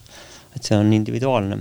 no seda kindlasti, ütleme, inimesed, kes elavad igavat elu, siis noh, unenäod ikkagi ma loodan, et vähemalt ei ole kõigil igavad. jah, aga noh, et äh, kui sa enne ütlesid, et mida siis inimesed peavad tegema, et mitu punkti me siis saime, on ju, et esiteks oma inventar, iseenda üle mõtisklesi, mõtisklemine, siis kindlasti Unepäevik. unepäevik, on ju, allajoonimine mm. -hmm. joonised juurde, siis tasub, on ju, harjutusi teha, et äh, õhtul ei peaks vaatama inimene telekat ja tund aega enne magama jäämist võiks juba hakata häälestama selle peale, et no nüüd ma lähen magama mm. -hmm. ei peakski enne seda sporti tegema väga kõvasti, vaid see peaks olema juba päeval ära tehtud, viimane sööks võiks olla tehtud õhtul kell viis või kell kuus, mitte hiljem, on ju, sest kõik need asjad segavad see inimesi. on alles lõuna mõne jaoks jaoks lõuna, on ju. ja muidugi oleks hästi hea, kui äh, voodi on väga ebamugav ebamugav. ja minu kõige parema, ütleme, ütleme minu äh, nooruspõlve kasvuea kõige kiirem periood oli sel hetkel, kui ma äkitselt sain aru, et mul pole voodit vaja. ja ma kolisin vaiba peale magama, sõna otseses mõttes, võtsin mingi vana kaltsuteki, mis ma leidsin, sellise poolkäevaldunud, panin selle alla mm,. miks ta meil üldse olemas oli, sest see oli koega oma kunagi olnud panin selle endale alla, selline täitsa nagu, ma tegin täieliku kannapöörde enda suhtumises oma sõprusringkonnas, et sa küsid, mis on elu inventar, eks ju. vaata, paljud inimesed elavad ju elu sõprade pärast, eks ju. aga iseenda pärast, millal sa iseenda pärast elad, on ju, sa peakski iseenda pärast elama ja sõbrad tulevad sellega kaasa, eks. ja kui nad ei tule sellega kaasa, siis nad pole järelikult sinu sõbrad, on ju, et lase kõigest lahti, mis ei ole sinu oma, on ju, ja siis jääbki alles see, mis on tegelikult sinu oma, on ju aga mis see, mis see ebamugav magamisase äh, ebamugav magamisase annab sulle selle, et äh, sa oled palju rohkem siis selles ärkveloleku unestaadiumis mm.? ja kui sul on kõik asjad nii mugavad, hommikul ärkad sa ei saa arugi, padi oli mugav ja tekk oli mugav ja nii edasi, aga kui sul on mingi vastik asi, kõva pinna peal, ma ütlen, see läheb tükk aega, läheb aega, kui sa lõpuks harjud sellega ära ja siis on juba aega tagasi jälle kolida, sellepärast et keha, keha peab, sa pead jälgima oma keha, et sul peab kogu aeg olema, magades natukene ebamugav selleks, et siis olla nagu väga kvaliteetse unenägija. aga ütleme, mõni ütleb just, et tunnen kaua tagasi, aga me räägime sellest, et sa vaata, tuleksid sellistele nagu vau asjade peale või sa läheksid neid vau asju, vot see on just see, on ju. no kindlasti paljud inimesed on kogenud seda, kui nad on noh, füüsiliselt väga väsinud, et siis sa täpselt mäletad, et et ma ei olegi öö jooksul ühtegi korda nagu keeranud, et ma täpselt ärkasin selles asendis ja siis kael on kange. jah, jah. ja loomulikult on ju, millega tasub siis tegeleda, on ka see, et et iga päev teadvustada endale selles, et ma olen unes see tundub jah, selline võib-olla isegi kõige loogilisem neist asjadest, et sa paratamatult äh, see, mis sa teed päeva jooksul, seda sa noh, mida rohkem sa teed seda, kui sa oled jalgpallur, ilmselt sa näed jalgpalli unes, siis sa lihtsalt näed ka unes seda, eks ju. ja kogu aeg ütled endale, et äh, ma olen unes, siis lõpuks peab see juhtuma. kui kaua see võiks äh, või on see täiesti võimatu öelda, kui kaua võiks, kui inimene nüüd teeb, järgib neid asju, kui kaua tal läheb selleni, et ta, selleni, et ta esimest korda näeks äh, teadlikku unenägu siis? nädal, kuu, aasta? kõige kiiremini on üks minu tuttav äh, nende samaste meetoditega saanud seda kahekümne kaheksa päeva jooksul. eks, samas Oleg Dikson, kelle seminaril siis käisime unenäo õpitoas või siis selles jututoas tema ütles põhimõtteliselt, on võimalik saavutada kas või kümne päevaga või isegi seitsme päevaga, et kui sa teed konkreetselt teatud samme, on ju mm, -hmm. järjepidevalt, et äh, see on nagu kõikide jaoks võimalik. aga selleks, et nagu seda püsivalt nagu saada enda ellu, siis sa pead sellega tegelema. et sellised hetkelised flash'id tulevad ja aga see, kes on seda kogenud, seda, tal on motiiv olemas pärast seda, ma tean seda oma abikaasa pealt ja teiste tuttavate pealt, et et see motivatsioon, mis selle tagajärjel tekib, see on ületamatu, sellega, et mitte ükski coaching ega ma ei tea, mis koolitused ei suuda mitte kunagi niimoodi motiveerida, kui inimene saavutab siis oma selle teadvustatud, teadusliku ette, hetke. ja kui ma enne ütlesin ka, et kui sa ka unenägemises on ju, kui kasutada kui süsteemi ja tegeled iseenda selle kahe mina ühendamisega, siis sel hetkel, kui need kaks ise lõpuks ühinevad, aga see toimub sel momendil, kui sa oled nagu käinud unenägemises kokku kogenud kõik oma ära unustatud energia ja käinud läbi erinevad unenäovägavad, millest ka Carlos Castaneda kirjutab. mõni vägav muuseas on täpselt selline, nagu ta kirjeldab, mõni on isikliku mõõtmega. ja lõpuks jõuad enda magava mina juurde. sõna otseses mõttes samamoodi nagu astraalkehaga väljas olles ma jõudsin oma magava mina juurde, jõudsin unenägemises iseenda magava mina juurde. ja ma enne seda olin kirjutanud mitu korda päevakutesse välja, et ma ei saa sellest aru, miks ma olen pidevalt teel iseenda koju ja kogu aeg koolitusse, kui ma hakkasin neid päevikuid vaatama, see koolitus, teel iseenda koju ja jälle näen, ma olen jälle teel iseenda koju ja ma ei jõua sinna kohta, kus ma tegelikult sellele reaalsuses nagu elan, ma ei jõua sinna, onju. vahepeal olid kohad jõudnud muutuda ja juba tekkis uus koht, ikka ei jõua sinna. ja lõpuks siis sellel viimasel hetkel ma jõudsin iseenda juurde, iseenda koju, sellesse kohta, kus mu keha magas. ja mõtlesin, et ei tea, mis mul siis meelde tuli, esimese asjana tuli see meelde, et, et keelatud on iseennast puutuda et see pidi lõppema surmaga ja mul oli kohe kiusatus minna iseennast puutuma, onju. aga enne kui ma seda teha jõudsin, siis mõtlesin selle taotluse välja, et ma ühendan siis oma kahe ise teadused. ja mis toimub siis selle tagajärjel, eks ju. no ma ikka siis mõtlesin, kohe hakkavad mingi ilutulestik hakkab peale või toimub midagi niisugust suurt ja võimast ja midagi, no, no midagi, vaata inimesed võivad ette kujutada igasuguseid põnevaid asju, mis võib toimuda. tekkis suur valgus, nii silmipimestav valgus et nagu valus oli sõna otseses mõttes, teadvusel oli valus selle valguse pärast. siis tekkis vaikus ja siis tekkis niisugune keeristormi moodi vibratsioon ja siis niimoodi nagu plahvatusena ärkasin siia maailma tagasi, plõksti. ja siis mõtlen, et see oligi siis nüüd see grand finaale või, eks ju. aga vaat see ongi, et inimene tihtipeale, et meie tõde on ikkagi nii piiratud meie teaduse teadlikkusega, et, et, et läheb jälle natukene aega mööda, kui sa saad teada, et see oli vajalik selleks, et minna järgmisse etappi, on ju. ja järgmine etapp ongi see, et kui sa oled nagu selle ära teinud, siis sa hakkad nagu mõistma seda hingemaailma.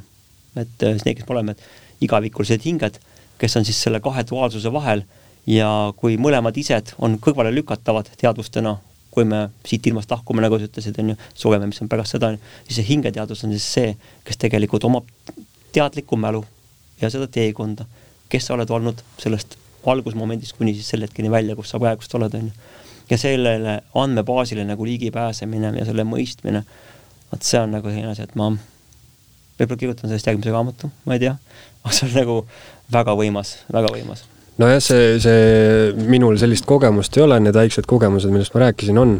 mulle jah, mulle meeldib seda endale nimetada lihtsalt ükskõik, kuidas see, kas hingemaailm, mingisugused astraalkohad, asjad, möllud, mina mõtlen seda enda jaoks nagu alateadvusena ja lihtsalt iseennast on kergem, parem õppida, kui sa nagu songid seal alateadvuses ja, ja kaardistad ja mõtled selle peale, et et mida, mida sa nagu põhimõtteliselt su enda alateadvus sulle õpetab, et hästi klišee on see küll, et jäämäe tipp on ainult näha ja see on nagu meie ärkvelolek ja kõik, mis on jäämäe all, kuhu Titanic sisse sõitis, see, see on nagu alateadvus. aga unenägemist veel saab, saab veel tegelikult on ju ka mida kasutavad loodusrahvad ju, nad kasutavad erinevaid psühhoteelikume eks ju. oi, no sellest ma olen ja, juba saate teinud. jah, oled teinud, ma ei ole kahjuks kuulanud.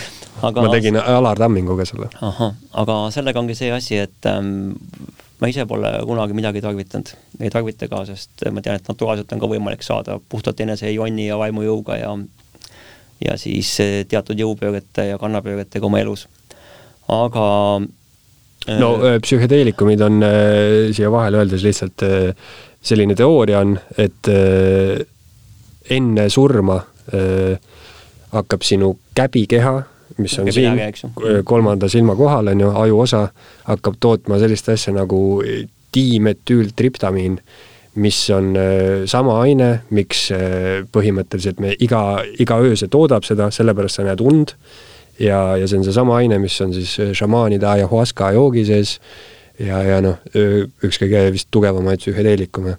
et seal ongi noh, väga-väga tugev seos on sellega, et äh, seda toodab ka kopsud ja, ja mis iganes, aga, aga seda räägitakse igatahes, et äh, miks me und näeme, on see, et äh, käbikeha toodab DMT-d mulle väga meeldis selle Tuva šamaani ütlus, et kui ta tahtis, et igaüks näeks unenägemise, järgmisel päeval ta jagaks, siis Maarja Kautsnik, kes siis ka on väga tuntud unenägija ja kellega me olime seal Hallokosmos saates siis, siis tema nägi unenägemises seda mm, samat äh, olagdit ja küsis ta käest, et kuule, et aga mille pärast äh, ma nägin teid, et te olete üks suur kärbseseen istute sellise trooni peal ja väiksed kärbseseened on kõrval.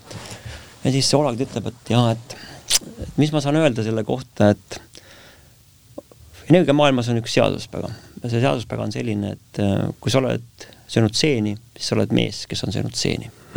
Ja ma ei ütle selle peale rohkem midagi, aga korraks, et vaata, kui me ennem seda teemasid puudutasime, seda ülemaailmset, eks ju, seda teekonda maailma lõppu, seda suurt ekspeditsiooni, kus siis osales üle kahe tuhande inimese, eks ju siis äh, see minu nägemus, et Olag tuli selle vana pudjonni mütsiga asjadega ja kui ma talle seda rääkisin ja siis tema naisele, siis ta ütles, et issand jumal, et et äh, sa ei saanudki seda teada, aga et, et ta on fänn ajalooliste riiete kogumisel ja täpselt niisugune pudjonni müts ja niisugune tšekisti sinel on olemas.